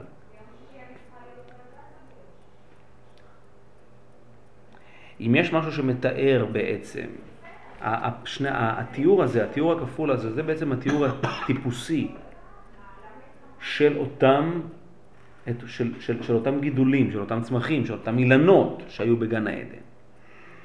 אלו הם אילנות שבסופו של דבר פונים אל מנעד רחב מאוד של חושים של האדם, שאין, שהם לגמרי נעדרים בחיטה. אין בה לא ריח, אם אנחנו נרגע לאותם ארבעה מינים, כן, אז אין בו לא ריח, ואין בו אפילו טעם, במובן הפוזיטיבי המלא של המילה. אין בה, אין בה, אין בה, מה שיש בה אבל דבר נחמד אחד. להשכיל. מה? אבל נחמד להשכיל. הוא נחמד כי להשכיל בגלל, לא- הרי הוא נחמד אומרת שאין להשכיל, התינוק קורא אבא אימא זה עץ הדעת. נכון, טוב. עד נכון. שיגיד, אה, עד שיוכל מכיוון, לקרוא. מכיוון, זו הנקודה. מכיוון, מכיוון, למה הוא נחמד להשכיל? הוא נחמד להשכיל דווקא בגלל העובדה שהוא נעדר חושים. דווקא בגלל העובדה שהוא לא מלפף את האדם בתוכו. הוא לא מלפף את האדם. כשאדם בא לאכול מכל עץ אחר, הוא לגמרי, כן? אילן אילן במה ואורחיך, פירותיך מתוקים, צילך מנאט. הוא לגמרי מתמזג עוד לפני שהוא בכלל מתקרב אליו. פה יש משהו, איזושהי ישות שהיא גידולית, שהיא לגמרי אדישה. היא לגמרי אדישה אל האדם. היא לא מעניקה לו ריח, היא לא מעניקה לו יופי, הוא לא מתפעל ממנה. האדם חפץ באדישות הזאת, האדם חפץ במשהו שהוא טרנסדנטי לו, הוא מחוצה לו. ודיברנו על כך בפעם האחרונה, על ועץ הדעת טוב ורע, כישות טרנסדנטית, כישות שהיא לעומתית לו. החיטה היא לעומתית, כשאדם בא לאכול מכל פרי אחר, עוד לפני שבכלל הוא יתקרב. הריח משקר אותו לגמרי, הוא משתכר רק מן הריח. תראו מה קורה לנוח. תראו מה קורה לנוח. הוא, הוא, הוא, הרי בדיוק, אם אנחנו רוצים לראות מה זה, מה זה גן בתפארתו, זה כמובן בוסתן, כן? הבוסתן זה גן, זה, זה, זה גן. ובוסתן זה תמיד מגפן. והדבר הכי מייחד את גפן, ויש אגב, אז תקרא לזה קרן. כרם, נכון, נכון, כרם. לא, יש יותר, אני חושב הבוסתן, נכון. זה גם דובדבנים וכל מיני... נכון, לא, אבל אוקיי, כן, אוקיי, הכרם, אוקיי. הכרם, הכרם. אם אנחנו מדברים על הנזיר, שסחור סחור אומרים, לנזיר, ואגב. זה גם אחד מהמאן דאומרים. נכון, נכון, זה אנטיתזה. זה ממש. אנטיתזה. חד משמעי, נכון, נכון, חיכיתי, שתגיד את זה. יופי. אז, אז, אה, רגע, אז הכרם, זה, ולכן נזיר, אסור לו בכלל להתקרב לכרם. זה הרי מהותו של הנזיר. זה בדיוק מהותו של הנזיר, הפרישות וההתייח, וההתייחדות והמידור. והרואה סוטה בקלקולה, סוטה בקלקולה זה המקבילה, כן? המקבילה של הסיפור של נוח, כן? הרואה סוטה בקלקולה, יזיר עצמו מן היין. הנה לנו הסיפור של, יו- של נוח של סטייה, ויין, הנה לנו הצירוף הזה. וסחור סחור אומרים לנזיר. סחור סחור אומרים לנזיר. עכשיו, איפה זה לא קיים, איפה אין חשש? בחיתו. בחיטה אין שום חשש. שום חשש. אגב, לא בכדי, בליל הסדר אוכלים את המצה ושותים את היין. זה ממש שתי קצוות. זה שתי קצוות. זה, זה דרך חירוס, זה, זה, זה היין. בדרך. צחוס, כן? בדרך, הזכרת פסוחים, אז בדרך צחוס. יש פעם אחת בגמורה שאני מכיר, גירוי גם מחיתו. שמא ימצא גלוסקה יפהפייה. אה, אין מה לעשות. בפסח, בפסח. שמא ימצא גלוסקה יפהפייה. מה זה? אה, לחמניה תראו רגילה של אנג'ל, כן? לחמניה תפוקה של אנג'ל. מה? זה הגלוסקה היופו. מה? כי, מה- כי? דווקא? לא, כי. עם גנובים? כי אסור. מים גנובים? הגנובים, זה בדיוק כן, המים כן. הגנובים גם פה, לא, זה בדיוק המים הגנובים של האדם ב- לא, בגן. עדן. קודם הסברת שהוא רוצה את... כן, בסדר, אוקיי, אוקיי. ש- על כל פנים, עכשיו האדם באופן, כאן בעצם מתחולל תהליך פרדוקסלי. זאת אומרת, והעונש שלו הוא לגמרי מיני ובי. אתה רוצה להגיד מילה על התאנה? רגע, רגע, שנייה. לא, לא, לא, לא, אחרת? לא, לא, ממש לא. אז העונש הוא לגמרי לגמרי מיני ובי. זאת אומרת, האדם משתוקק אל החיטה, אוכל מן החיטה, והדבר המיידי שנגזר עליו זה בזיעת אפיך תאכל לחם. זה הדבר המיידי שנגזר עליו. בזיעת אפיך תאכל לחם. זה מה שאתה רוצה, זה מה שתקבל, אבל... זאת אבל אומרת, בנוסח- זאת אומרת, זאת אומרת, הנה לנו בעצם, האדם בעצם, האדם בעצם מכונן את מצבו בעשר אצבעותיו. האדם ממש, האדם ממש מכונן את מצבו בעשר אצבעותיו. יותר פנימי מדוסטויבסקי החטא ועונשו. עוד יותר פנימי. כן, בהחלט, פנימי. בהחלט. עכשיו, פה אבל חשוב להדגיש שהמצב הזה של האדם, שארורה האדמה בעבורך, אבוי לו לאדם שהאדמה איננה ארורה בעבורו. זאת אומרת, האדם שלא נמצא במצב הזה, אם אני לרגע חוזר אל הדוגמה של נוח, האדם שלא נמצא במצב של נזירות, ושהוא כן כביכול מנסה לשחזר את מצבו קודם גירושו. הוא בעצם מנסה לעשות שלום עם השטן, לחזור, כן, בוא, בוא נראה משא ומתן, בוא, הוא מנסה לשחזר, וזאת אומרת, מנסה לשחזר את מצבו הנטורליסטי. כן, המצב הזה של נוח זה בדיוק המצב של ולא יתבוששו, זה הרי בדיוק אותו מצב. אישה דמם. כן, לא, אבל לא, סתם, בסיפור הזה חטאו של נוח, זה בדיוק היה המצב הזה של, של ולא יתבוששו, כן, שהוא, ש, שנחשפה ערוותו.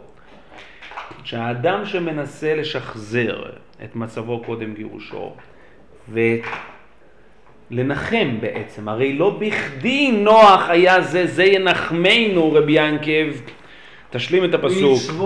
מעצבון האדמה, מן האד... זה ינחמנו ממעשינו ומעצבון ידינו, זה, ינחמנו, זה ינחמנו ממעשינו ומצבון ידינו מן האדמה ידינו. אשר ידינו. יררה השם ומצבון ידינו מן האדמה אשר יררה השם כי היה בו מרכיב קומפלמנט, קלופ, קול, קון, קומפלמנטרי. קולו, קון, קומפלמנטרי. כן, פשרן. פשרן, אה. פשרן בעברית, פשרן. הוא היה אדם פשרן, ונוח, כשמו כן הוא, היה אדם נינוח, ונוח לבריות. נוח ונוח עם האדמה, הוא היה אדם נוח. הוא. לא היה אדם לעומתי. מה? משלים. משלים, בהחלט. בתורה כתוב שהוא מנחם. הוא נכון, מנחם הכוונה משלים, משלים עם מצבו, משלים עם מצבו. אז נוח היה אדם נינוח מאוד, ויאמר לזכותו, אבל באותה מידה גם יאמר לחובתו. מוזרה הפנייה שלו לגפן, בסופו של דבר, על רקע הדיכוטומיה שאתה מציב. לא, הגפן, באמצעות הגפן הוא בהחלט, את הגפן הוא ראה ככלי להתמזגות מחודשת עם, ה, עם, ה, עם, ה, עם האדמה. זה הכלי להתמזגות מחודשת עם האדמה. אבל כשהאדם מתמזג, כשהאדם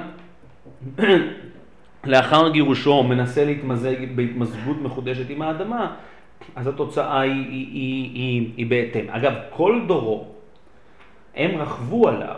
כל דורו, אגב, היה, רצה בעצם, כן, בשגם, בשגם ובשר, ולגמרי, גם הוא רצה לשחזר את המצב הנטורליסטי.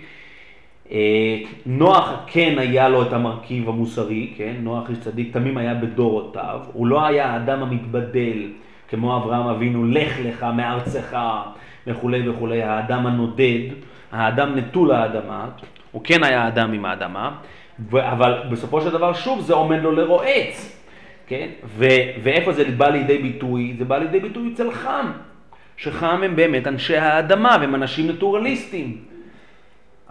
חם הם, זוהי תרבות נטורליסטית, כן? תרבות נטורליסטית, ואני לא צריך להעריך בעניין. בכל מקרה, בכל מקרה. אז, ולמה זו קללה? מה זו? למה זו קללה?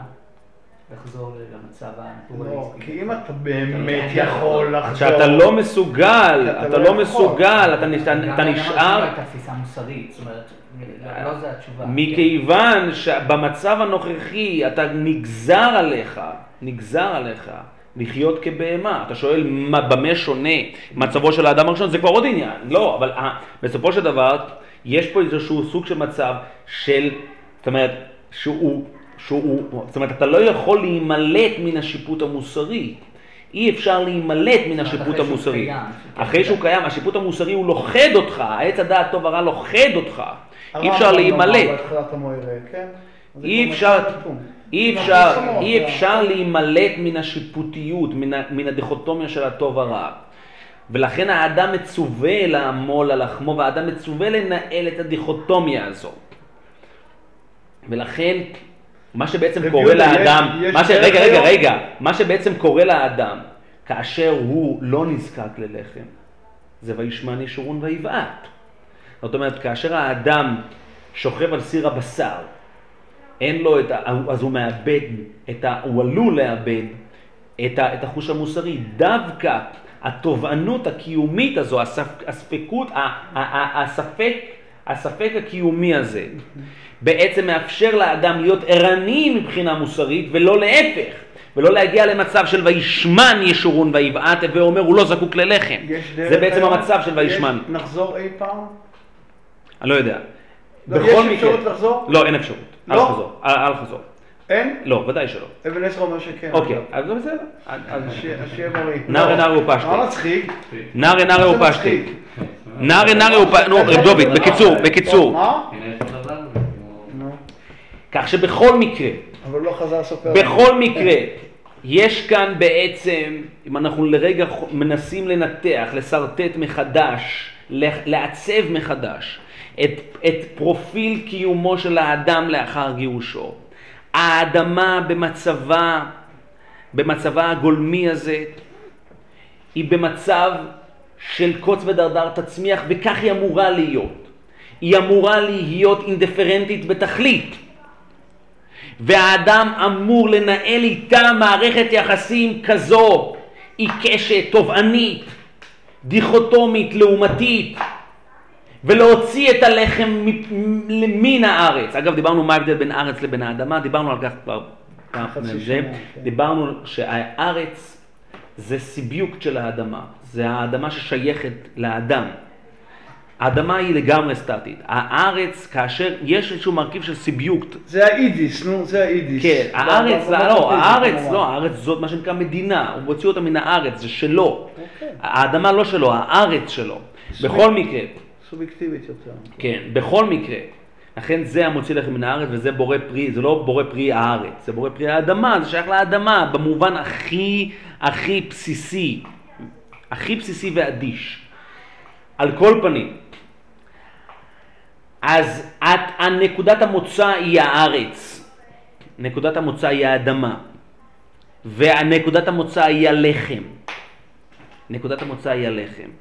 עכשיו, כאן, מעל זה, מגיע, מגיעים הפירות, מגיעים העצים, מגיעים האילנות. האילנות בהקשר הזה זה כבר בהחלט ניצחון הרוח על החומר, דבר שלא קיים אצל לחם, ואני מדגיש, כי לחם זה משהו, המרכיב הסזיפי לא קיים באילנות. אגב, אתם יודעים גם למה? כי חיטה היא חד פעמית, עץ הוא רב פעמי. אז פשוט, אז, אז בחיטה, אתה, אתה, הגורל הסזיפי לוכד אותך. חרשת, זרעת, קצרת, תתחיל עכשיו עוד כל הסיבוב. את כל הסיבוב עוד פעם. לכן אין בכלל מושג של, של, של, של, של עורלה, אין מושג של דמי, כל המושגים האלו קיימים רק בפירות. ומדוע? מכיוון שאין פה ניצחון הרוח על החומר. אין פה ניצחון הרוח על החומר, יש פה גורל סזיפי שהוא חוזר חלילה כל ימות, כל ימי האדם על פני האדמה. בעץ לעומת זאת, אז אחרי שלוש שנים, אחרי שהעץ מתבסס שלוש שנים, כאן כבר יש ניצחון הרוח על החומר, כי העץ כבר יניב פירות.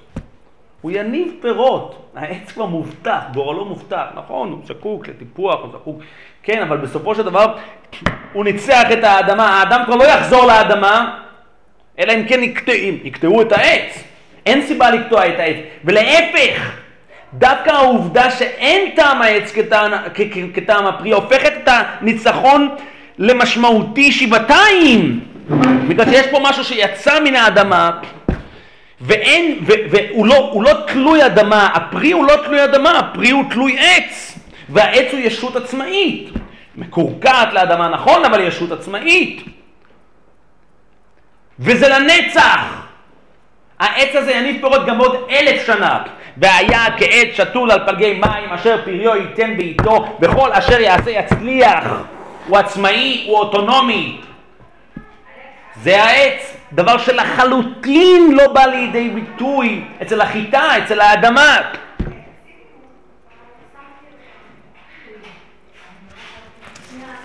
ננסה לחזור לענייננו. אני רק רוצה להגיד עכשיו בקצרה משהו שהוא מאוד מאוד דרמטי, לפני שאנחנו ממש חוזרים אל, אל העניין שלנו. לאדיה בראשונים, לאדיה גם אפילו בפסוקים עצמם, שמה שאנחנו נלמד בשבועות הבאים, על ונהר יוצא מעדן להשקות את הגן, ומשם ייפרד לארבעה ראשים. שם האחד פישון הוא הסובב את כל ארץ החבילה אשר שם הזהב וזהב ארצאי וכולי וכולי, ושם גיחון וכולי וכולי. אם אתם זוכרים, דיברנו על כך שבאדם עין לעבוד את האדמה זו אנטיתזה למצב הזה של, של לא כארץ מצרים, כי ארץ אשר, מטר השמיים תשתה מים, לא כארץ מצרים אשר השקית ברגלך כגן הרג, כי מטר השמיים תשתה מים.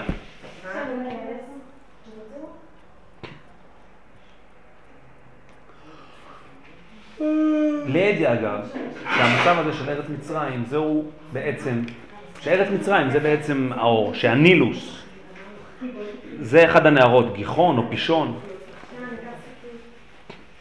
בעצם כתוב פה שבעצם המצב הזה של ארץ מצרים הוא היה המצב של האדם בגן עדן. יש להעריך לכך רבות, זה מתחבר, מי שזוכר מה שדיברנו פה. שבעצם, מה? כן, כן. נכון, כן, גם את זה, וגם את זה הזכרנו. שבעצם, מהמצב הזה של האדם עין לעבוד את האדמה, בעצם המצב שלו, המצב שלו, אם אנחנו לרגע מנתחים, כן, וישם את ה... כשהקדוש ברוך הוא מחזיר את האדם, לעבוד את האדמה אשר לוקח משם, אז האדמה אשר לוקח משם זה והאדמה, והאדם עין לעבוד את האדמה. וזה בעצם המצב התלותי. המצב התלותי. המצב שבעצם הקיום הוא לחלוטין לא מובטח. הוא לא מובטח. והאדמה בעצמה זקוקה לאיזושהי השפעה חיצונית בשביל שהיא תוכל להצמיח משהו. ואין קיום מיני ובי, זאת אומרת האדמה לא מבטיחה קיום. האדמה לא מבטיחה קיום. ובעצם ה... והאדמה, והאדם עין לעבוד את האדמה, זאת אומרת שהאדם בעצם מביא את האדמה, את, ה, את הזיקה הטרנסצדנטית. כך שבעצם באופן פרדוקסלי, וזה בעצם ראוי להקדיש לכך שיעור שלם, שבעצם באופן פרדוקסלי,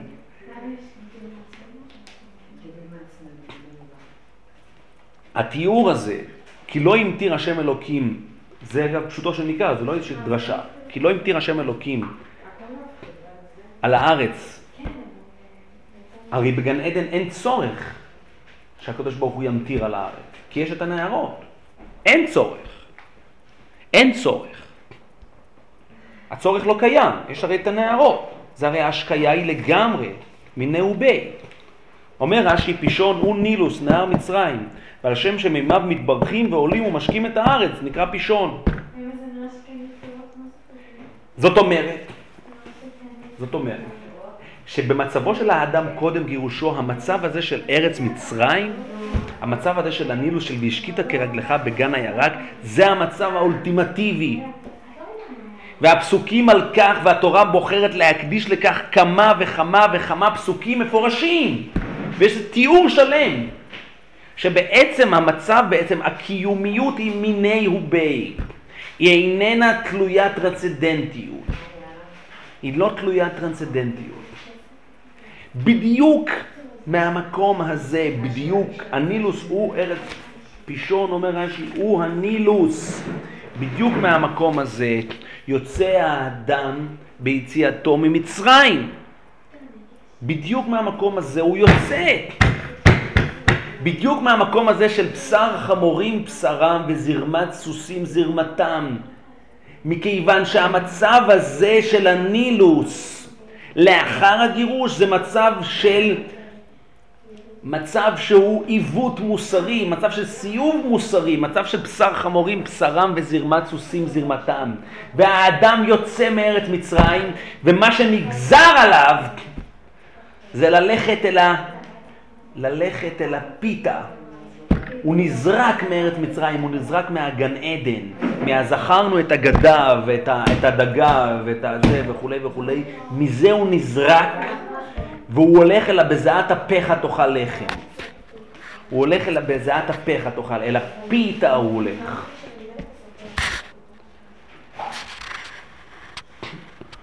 ו... קצת, אה, קשה, כי בעת יעלה מן הארץ זה גם לעניין, רש"י אומר זה גם לעניין בריאוסו של אודום, אז זה עוד אה, מה? גם לעניין בריאתו של האדם. אז לפני החטא ולפני הכל כאילו. מה גם אין לנו? אתה אמרת ככה, אם הבנתי אותך נכון, אני עושה סיכום של השלוש דקות האחרונות, אמרת שהמצב בגן עדן אינו צריך במצב הכי אידיאלי כאילו את התפילה, אלא זה הכל מיני ובי, אז זה יכול להיות כמו ה- כי מצרים, הטרנסדנטי והאימננטי-. כי כן, הטרנסדנטי כן, והאימננטי כן, כן, חיים- מאוחדים. נכון, חיים בד נכון, בבד. ודאי, ודאי.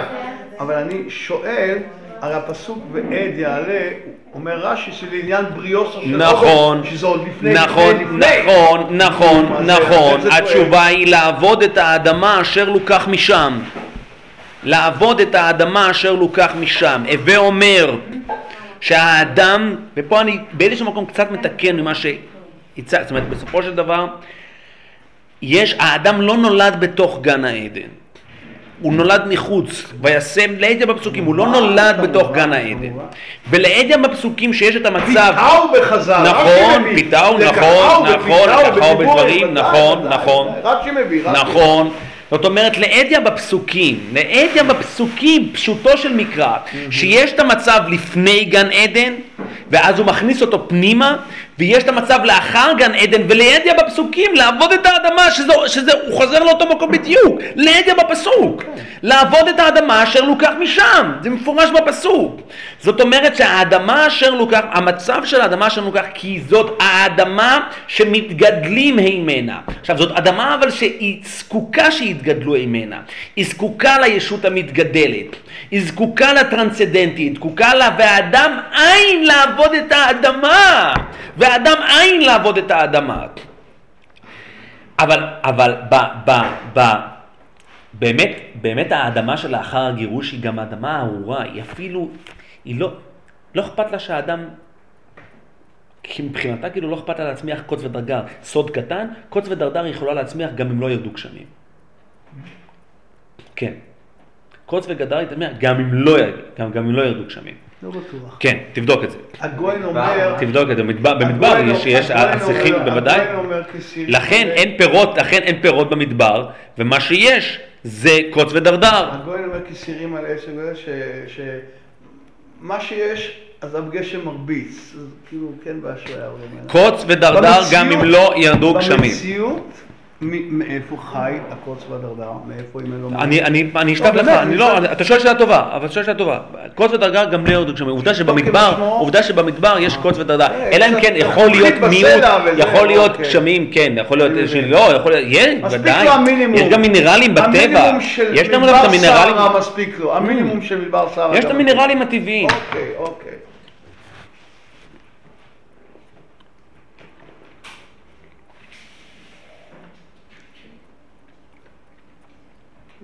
גודלים הרבה יותר מהר. בוודאי, בוודאי. בכל לא, מקרה, לא בכל מקרה. לא שאין גשמים. שהפיזור, אה, אין קצת פיזור, מספיק להם, אה, קצת לא, אין. פיזור גשמים. וואי וואי, אה, רבותיי, רבותיי, אנחנו חייבים להתחיל ו- ואנחנו בקושי התחלנו. האדם יוצא מן המקום הזה שבעצם היה בעבורו לפני גירושו גן העדן והוא יוצא והוא הולך אל המקום הזה שנקרא בזיעת אפיך תאכל לחם. הוא הולך ליסוד הלחמי הכי בסיסי, הכי אלמנטרי. אבל כשהאדם יוצא מארץ מצרים, יש לו את ה"ואוצאתי", שזאת נקודת המוצא, ויש את ה"והבאתי", שזאת נקודת הסיום. באיזשהו מקום הוא הולך למין איזושהי חוויה מתקנת. חוויה מתקנת גם של מצד אחד ארץ מצרים, כן, היה לו ארץ, אבל לא ארץ מצרים, זאת אומרת, הוא מוצא לעצמו ארץ, וגם אבל ללכת לארץ מצרים שלא תהיה ארץ מצרים. שלא השקית ברגלך כגן הירק. המסע הוא בסופו של דבר והבאתי. נקודת הסיום היא והבאתי. ואת הסיום הזה, אתה, בעצם האדם לא יכול להגיע אליו והבאתי אם הוא לא עובר דרך הר סיני, שזה שום מקום, שום מקום, אין שום מקום כזה שנקרא הר סיני, שום מקום, זה מדבר. המסע שהוא עושה בעצם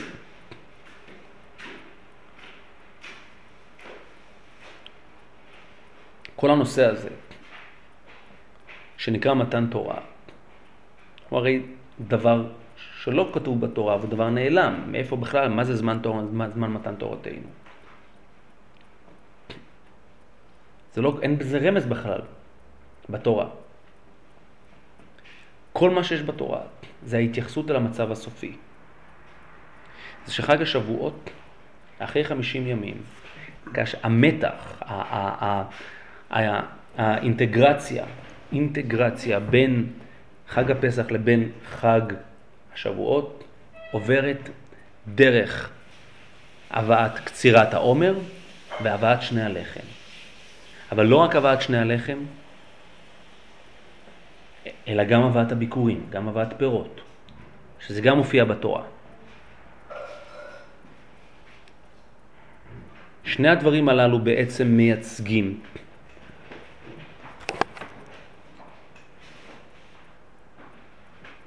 את מצבו של האדם כאשר הוא נמצא בארצו, הוא שמצד אחד הוא מצליח לקנות, לתקוע יתד, לקנות לעצמו מקום, לקנות לעצמו מקום. הוא לא נמצא במצבו של אברהם אבינו, אביו, שהוא לגמרי נטול מקום.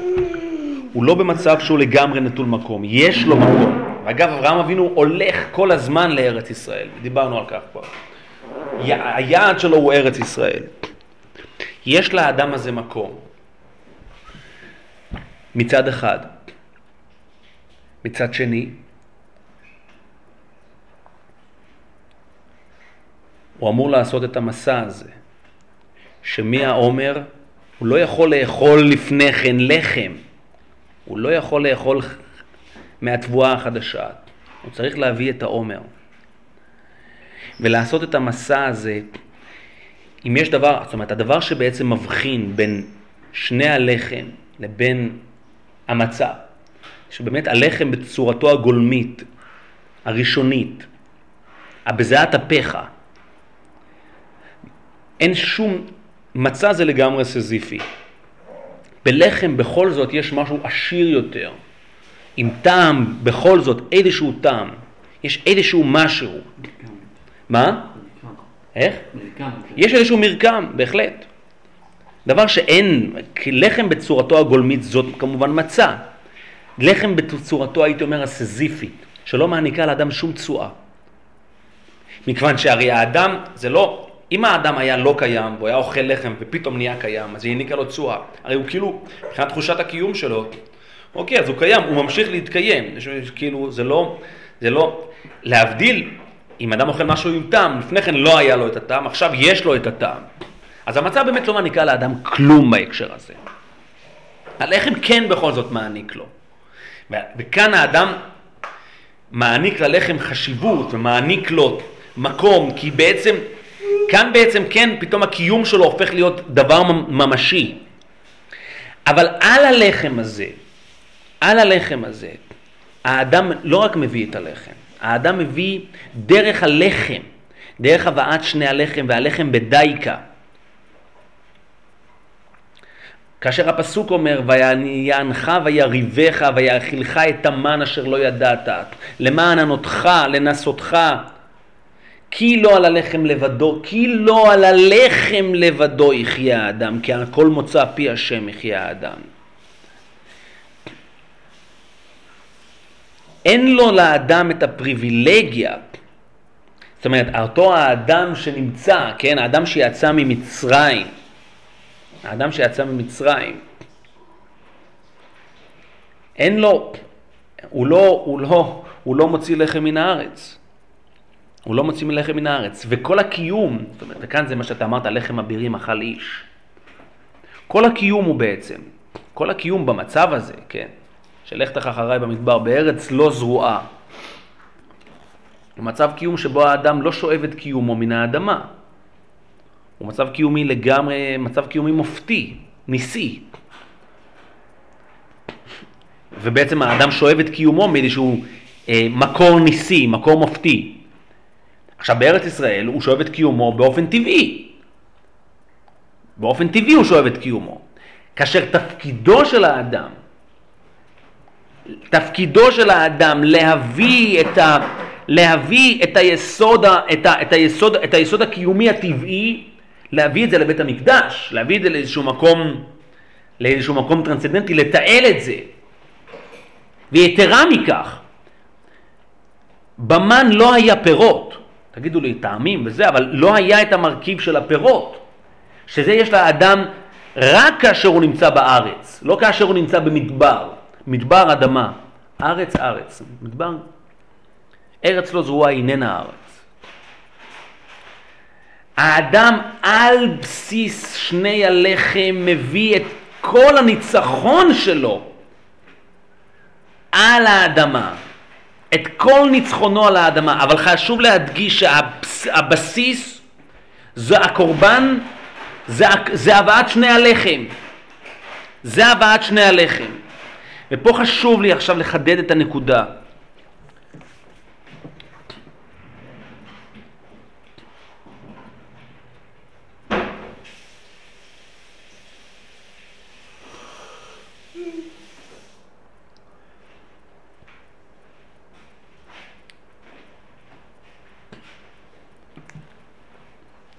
ישנה, ישנם, ישנם בחז"ל כמה וכמה אה, אה,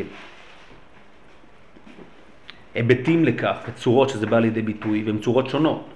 אנחנו יודעים שהכל מודים בעצרת באין נמי לוחם. כתוב שם בגמרא ב- במסכת שבת שרב יוסף הוא שחט עגלה טילתא, כן, אלמלא היו עימי, כמה. כמה יוסף יקה בשוקה. השוקה זה המקום של עמי הארץ. זה המקום של עמי הארץ. היוסף זה מי שבעצם מבדל את עצמו מעמי הארץ. עמי הארץ. הוא הופך להיות משהו שהוא לא עם הארץ. כשקבלת התורה בעצם, כשאנחנו אם אנחנו מד- מדברים על ה... אם אנחנו מדברים על ה... שחזרו למעלת אבותיהם, חזרו למעלת אבותם. בעצם בקבלת התורה, הם בעצם קיבלו את האפשרות לחיות מחדש במה שנקרא אילונת דחיי. זאת אומרת, לחיות מחדש באיזשהו מצב שהוא כביכול מתוקן באופן מובנה. הוא כביכול מתוקן באופן מובנה. ואגב, איך הם חזרו לזה? כי הם אמרו נעשה ונשמע. הווה אומר, הם באו וצירפו את עצמם, ביטלו את ישותם העצמאית מול ההתגלות הזו, והם צירפו את עצמם אל ההתגלות הזו. וההצטרפות אל ההתגלות הזו בעצם שמה אותם במקום שבו כאילו העצמאות שלהם התבטלה. העצמאות שלהם התבטלה, זה כל הרעיון הרי של נעשה ונשמע. שהעצמאות התבטלה, היחידאיות האישית שלהם התבטלה.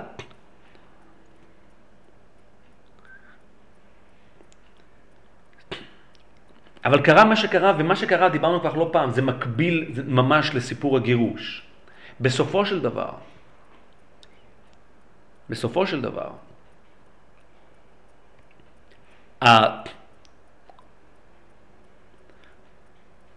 אם אפשר לקרוא לזה כך גם, אני חושב שאמרתי את זה כבר כמה וכמה פעמים, שבעצם סיפור הגירוש הוא סיפור שחוזר על עצמו כל הזמן בווריאציות שונות, כל הזמן נמצאים, בעצם חווים את, ה, את התנועה הזאת. המצב של, של העם היהודי בארצו היה המצב של תורה שבכתב, פחות תורה שבעל פה. תורה שבעל פה התפתחה מחוץ לארצו, והיא התפתחה בגלות. היא התפתחה במקום שבו האדם היחידאי, במקום, באותו ארץ שנער, מחוץ לארצו. אין ביקורים, אין שני הלחם. רב יוסף לא היה בארץ ישראל. המצב הזה של ארץ ישראל הוא איזשהו מצב של איזון מחדש, ניסיון לאזן מחדש. הניסיון להכיל מצד אחד את הטרנסצדנטי כיש... כטרנסצדנטי לצד האימננטיות. זאת אומרת, אימננט... זאת אומרת, טרנסצדנטיות אימננטית. זה כל הרעיון של בית המקדש. כן? כתופעה טרנסצדנטית שהיא חלק מהווייתם, ולהביא את כל האימננטי, להביא את כל פירות האילן, את שני הלחם. זאת אומרת, להביא את הקיום ולצרף אותו אל הטרנסצדנטי. כן? לבשר על כך ש, שמתר השמיים תשתה מים. שבאדם אין לעבוד את האדמה, שיש פה אדם שעובד את האדמה, וזה בעצם כל חגיגת הביקורים, שהאדם עובד את האדמה, והנה האדמה מקבלת צידוק לקיומה. האדמה מקבלת צידוק לקיומה. אבל האדם מחויב ליחידאיותו, ורק עד כמה שיחידאיותו קיימת, האדמה מעניקה לו, מעניקה לו את הלחם ומעניקה לו את, ה, ומעניקה לו את הפירות. והיום הדין הזה של חג השבועות, שהוא יום הדין על פירות האילן, אומר רש"י, שתי הלחם ירצו על פירות האילן, שהם מתירים להביא ביקורים, שהן מביאים ביקורים קודם לעצרת, תכתיב ביקורי קציר חיטים. ואני שמעתי דרבי יהודה לתיימא דאז לקמן דאמר בסנהדרין, עת שאכל אדם הראשון חיטה איתה. אז לאחוז ראש, אפילו שאנחנו כבר, השעה מתאחרת. אומר רש"י, שני הלחם מרצים על פירות האילן, כאשר האדם מביא את שני הלחם, הוא בעצם מגיע אל התיקון של הבזעת אפיך תאכל לחם. זאת אומרת, הוא מגיע למצב שבו הוא, הוא, הוא מנהל את, את, ה, את הזיקה שלו, את הזיקה שלו עם האדמה בצורה נכונה. זאת אומרת, מצד אחד הוא לא אוכל, הוא לא אוכל מצה, מצד שני הוא אוכל לחם. זאת אומרת, הוא, הוא בסופו של דבר מנהל יחס שהוא יחס, יחס נכון, יחס לעומתי נכון, מכוון, והוא מוציא את הלחם מן הארץ. הוא לא נשאר בתוך הארץ, הוא מוציא את הלחם מן הארץ. הוא לא עם הארץ, בקיצור. הוא מוציא את הלחם מן הארץ, והוא הופך את זה למאכל, הוא מסבייקט, בקיצור, את קיומו בצורה טובה, בצורה נכונה. וכאן בהקשר הזה האדמה, הוא מצליח להגיע למצב שבו הוא גם, הוא, הוא מצמיח אילנות, הוא מצמיח אילנות. שתי הלחם מרצים על פירות האילן שהם מתירים להביא ביקורים. אין שום מקום להביא ביקורים אם אתה לא מביא את שני הלחם. זאת אומרת, בסופו של דבר המתח מתקיים על שני הלחם. מצד אחד, מצד שני, להביא רק לחם, להביא רק לחם, זה חסר משמעות. להביא רק לחם זה חסר משמעות. כי תפקידו של האדם הוא להביא פירות, הוא להצליח להגביה מעל הקרקע במצב כזה שהוא יכול, שהוא יכול להרשות לעצמו להביא פירות. טוב, אני רוצה לקרוא מהר. זה הולך, זה, זה הולך ומסתעף. ישנם בחז"ל, זה חז"ל מפורש. אם אנחנו מדברים על עניין האדמה וכולי, והבאת לחם או הבאת פירות. ויהי מקץ ימים. אומר המדרש, ויהי מקץ ימים חג השבועות. מי שרוצה, רבנו בחיי דרשה שלמה. ויבא קין מפרי האדמה מנחה להשם. פרי האדמה זה לחם. והבל הביא גם הוא מבכורות צונו ומכלביהן. וישע השם אל הבל ואל מנחתו, ואל קין ואל מנחתו לא שעה. ואיחר לקין מאוד, ויפלו פניו. ויאמר השם אל קין, למה חרה פניך ולמה פה נפלו פניך? הלא אם תתית... סליחה.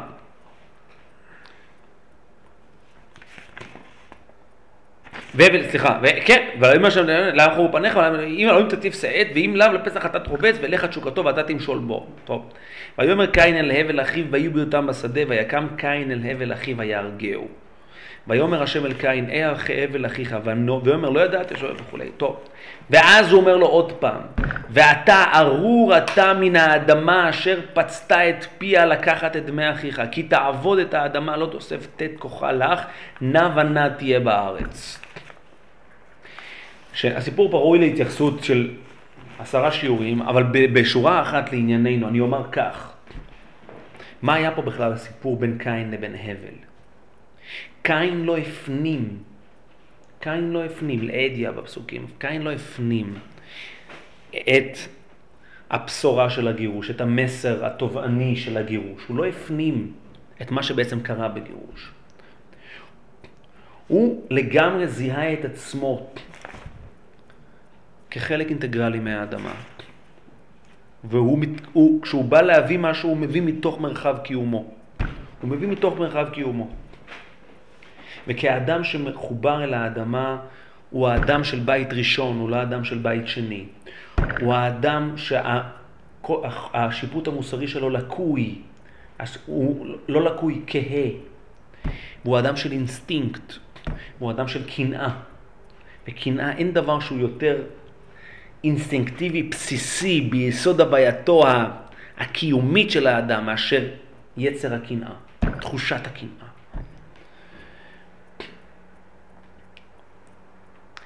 ו... אז הוא, אז הוא מביא מפרי האדמה. קין גם לא מכיר במושג שנקרא יחידאיות האדם. כי יחידאיות האדם היא חלק בלתי נפרד מהבשורה שעליה, שהאדם בעצם מתבשר עליה בגירושו. כל המושג של רצח זה בעצם ה... כל, כל, כל המושג של, כל, ה, כל העיוות המוסרי של רצח הוא בדיוק מהנקודה הזאת של הכפירה ב, ב, ב, ב, ביחידאיותו של האדם. כן? יאוין ב... כל, כל, כל, שבעצם ברגע שהאדם נברא יחידי, ועל זה חז"ל אומרים את זה. ולמה? על זה חז"ל במסכת סנהדרין אומרים את זה. לא, בדף ב', שהאדם נברא, סליחה, בדף מ', נכון, סליחה. כן? שהאדם נברא יחידי וכולי, וחז"ל מביאים את, הזה של קין. למה נברא אדם יחידי? זאת אומרת, והיחידאיות הזו, זאת אומרת, הבל שמבין את היחיד, מבין את הבשורת היחידאיות שנעוצה בגירוש, מבין שהוא לא יכול להביא מפרי האדמה, הוא צריך להביא משהו קצת מעבר, משהו קצת, שהוא קצת מעל פרי האדמה. בקיצור, הוא צריך להביא ביקורים, הוא צריך להביא פירות האילן. הוא לא יכול להביא, הוא לא יכול להביא את פרי האדמה.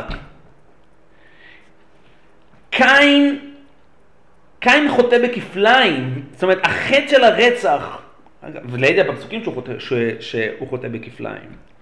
הוא לא, הוא, הוא לא מבין שהוא חוטא, הוא אומר לו, אם תטיף שאת, אב לפתח אתה תרובץ, ולך תשוקתו ואתה תמשול בו, זה הכל הדיבורים של האדמה, והוא לא מפנים את זה.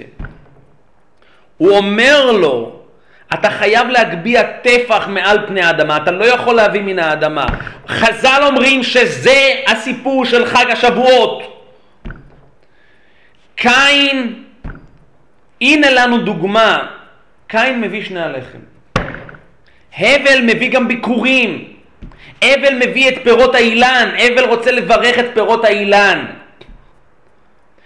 בשביל, אבל זה חייב להבין עוד פעם, זה צריך להתחיל משני הלחם עם פירות האילן. זאת אומרת, יש כאן, ה- ה- שוב, שני הלחם כמ- כשני הלחם, שני הלחם, שזה ה... זה, זה, זה, זה הצורה הקיומית שאדם באמת לא יכול לברוח ממנה. אבל פה באמת אין שני הלחם, כי פה באמת אין לאדם אדמה, זאת אומרת... אבל שוב, יש כאן, קין לא מסוגל להתרומם מעל האדמה, הוא, ככזה, הוא עם הארץ. וכמה יוסף היכה בשוקת. כל היסוד הזה של כמה יוסף היכה בשוקה, כל היסוד הזה של מתן תורה הוא איזוטרי, הוא הצד הנסתר, הוא הצד הטרנסצדנטי שבא לידי ביטוי בתוך האימננטי. הוא האדם, הוא האדם שנוצר האדם שנוצר בחג השבועות, הבשורה על לידת האדם של חג השבועות. אבל התורה לא מתייחסת, זה, זה הצד הנסתר, הצד הגלוי, הצד, הגלוי, זה מה שהתורה, התורה, היא לא מתייחסת לכמה יוסף איקה בישוקה. היא מתייחסת אל, אל, אל, אל, אל ההיבט, מה שנקרא האקזוטריה, פומבי. ההיבט הפומבי זה הבאת שני הלחם, זה חג הביקורים, זה הצורה הסופית, המתוקנת, השלמה. רבי יוסף הוא לא הצורה השלמה, כי רבי יוסף הוא בבבל. התיקון אגב, מה שידוע בחז"ל, החטא שהיה אצל בני ישראל שהם נשארו לישון, נשארו לישון הכוונה שהם הרגישו שהם לא צריכים להביא שום דבר מעצמם, זה יבוא אליהם, הם, הם הולכים לחסות תחת כנפי השכינה, אין שום סיבה שהם יקומו. הם נשארו לישון, לא הייתה את ההתעוררות האישית שלהם.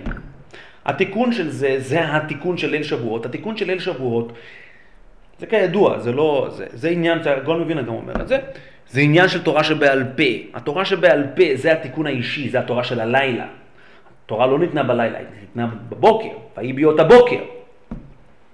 זה, זה, זה, זה, החלק של רב יוסף, כאילו, כמה יוסף היא כבישוקת. אבל בכל מקרה, קין שכופר ביחידאיות לא מבין את המשמעות של הגירוש. לא מבין את העובדה שהאדם אכל, שמה שהאדם אכל חיטה הייתה. אז קין מביא, קין מביא מפרי האדמה. וכחו, ו, ובאופן, ב, ב, כהמשך ישיר לכך, הוא, אגב, הוא, כמובן גם תופס את הבל כך. והוא רוצח אותו, ואז העונש שלו, העונש שלו הוא ממש העונש של אבא שלו הרי, העונש. הוא אומר, הרי מה שבעצם עשית, לקחת פה ישות שהיא יחידאית, ואומר, היא הבשורה של ויפח באשפיו נשמת חיים, שהאדם כישות מתגדלת, האדם כישות שיוצאת מפני האדמה, ושמת אותו בתוך האדמה. אתה, אתה מבין מה עשית פה? אתה מבין מה עשית פה? אז הוא אומר לו, ואתה ארור אתה מן האדמה אשר פצתה את פיה, לקחת דמי אחיך מידיך. כי תעבוד את האדמה, לא תוסף תת כוחה לך, נע ונע תהיה בארץ. אתה לא יכול להמשיך ולהיות כך. אתה לא יכול להמשיך ולהיות כך. זאת אומרת, כאילו, המצב הזה הוא בלתי אפשרי. המצב הזה של האופן שבו אתה ממוזג עם פני האדמה הוא בלתי אפשרי. הוא בלתי אפשרי. כביכול נגזר על קין להיות אינדיבידואל, זאת אומרת, הוא, הוא, הוא בעצם, כאילו כופים עליו את הגירוש, בקיצור, יש פה כפייה נוספת של הגירוש. טוב, נדבר עוד על כך. מה ש... מה ש... ובזה בזה אני אסיים. מה שהגמרא אומרת פה במסכת מגילה, שצריך לקרוא, שצריך לקרוא, שצריך לקרוא את הקללות של בחוקותיי. הקללות של בחוקותיי כולם, בסופו של דבר,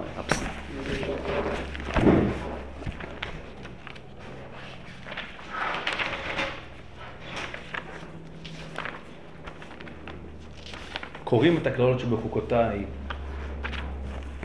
מכיוון שזה ראש השנה לפירות האילן. פירות האילן הם אלו שבאמת מייצגים את האופן שבו האדם באמת כמה יוסף, אילולא היו ימי כמה יוסף איקי בשוקה. העמי הארץ לא מביאים פירות האילן. הפירות האילן מייצגים את הבאמת ניצחון האדם על האדמה.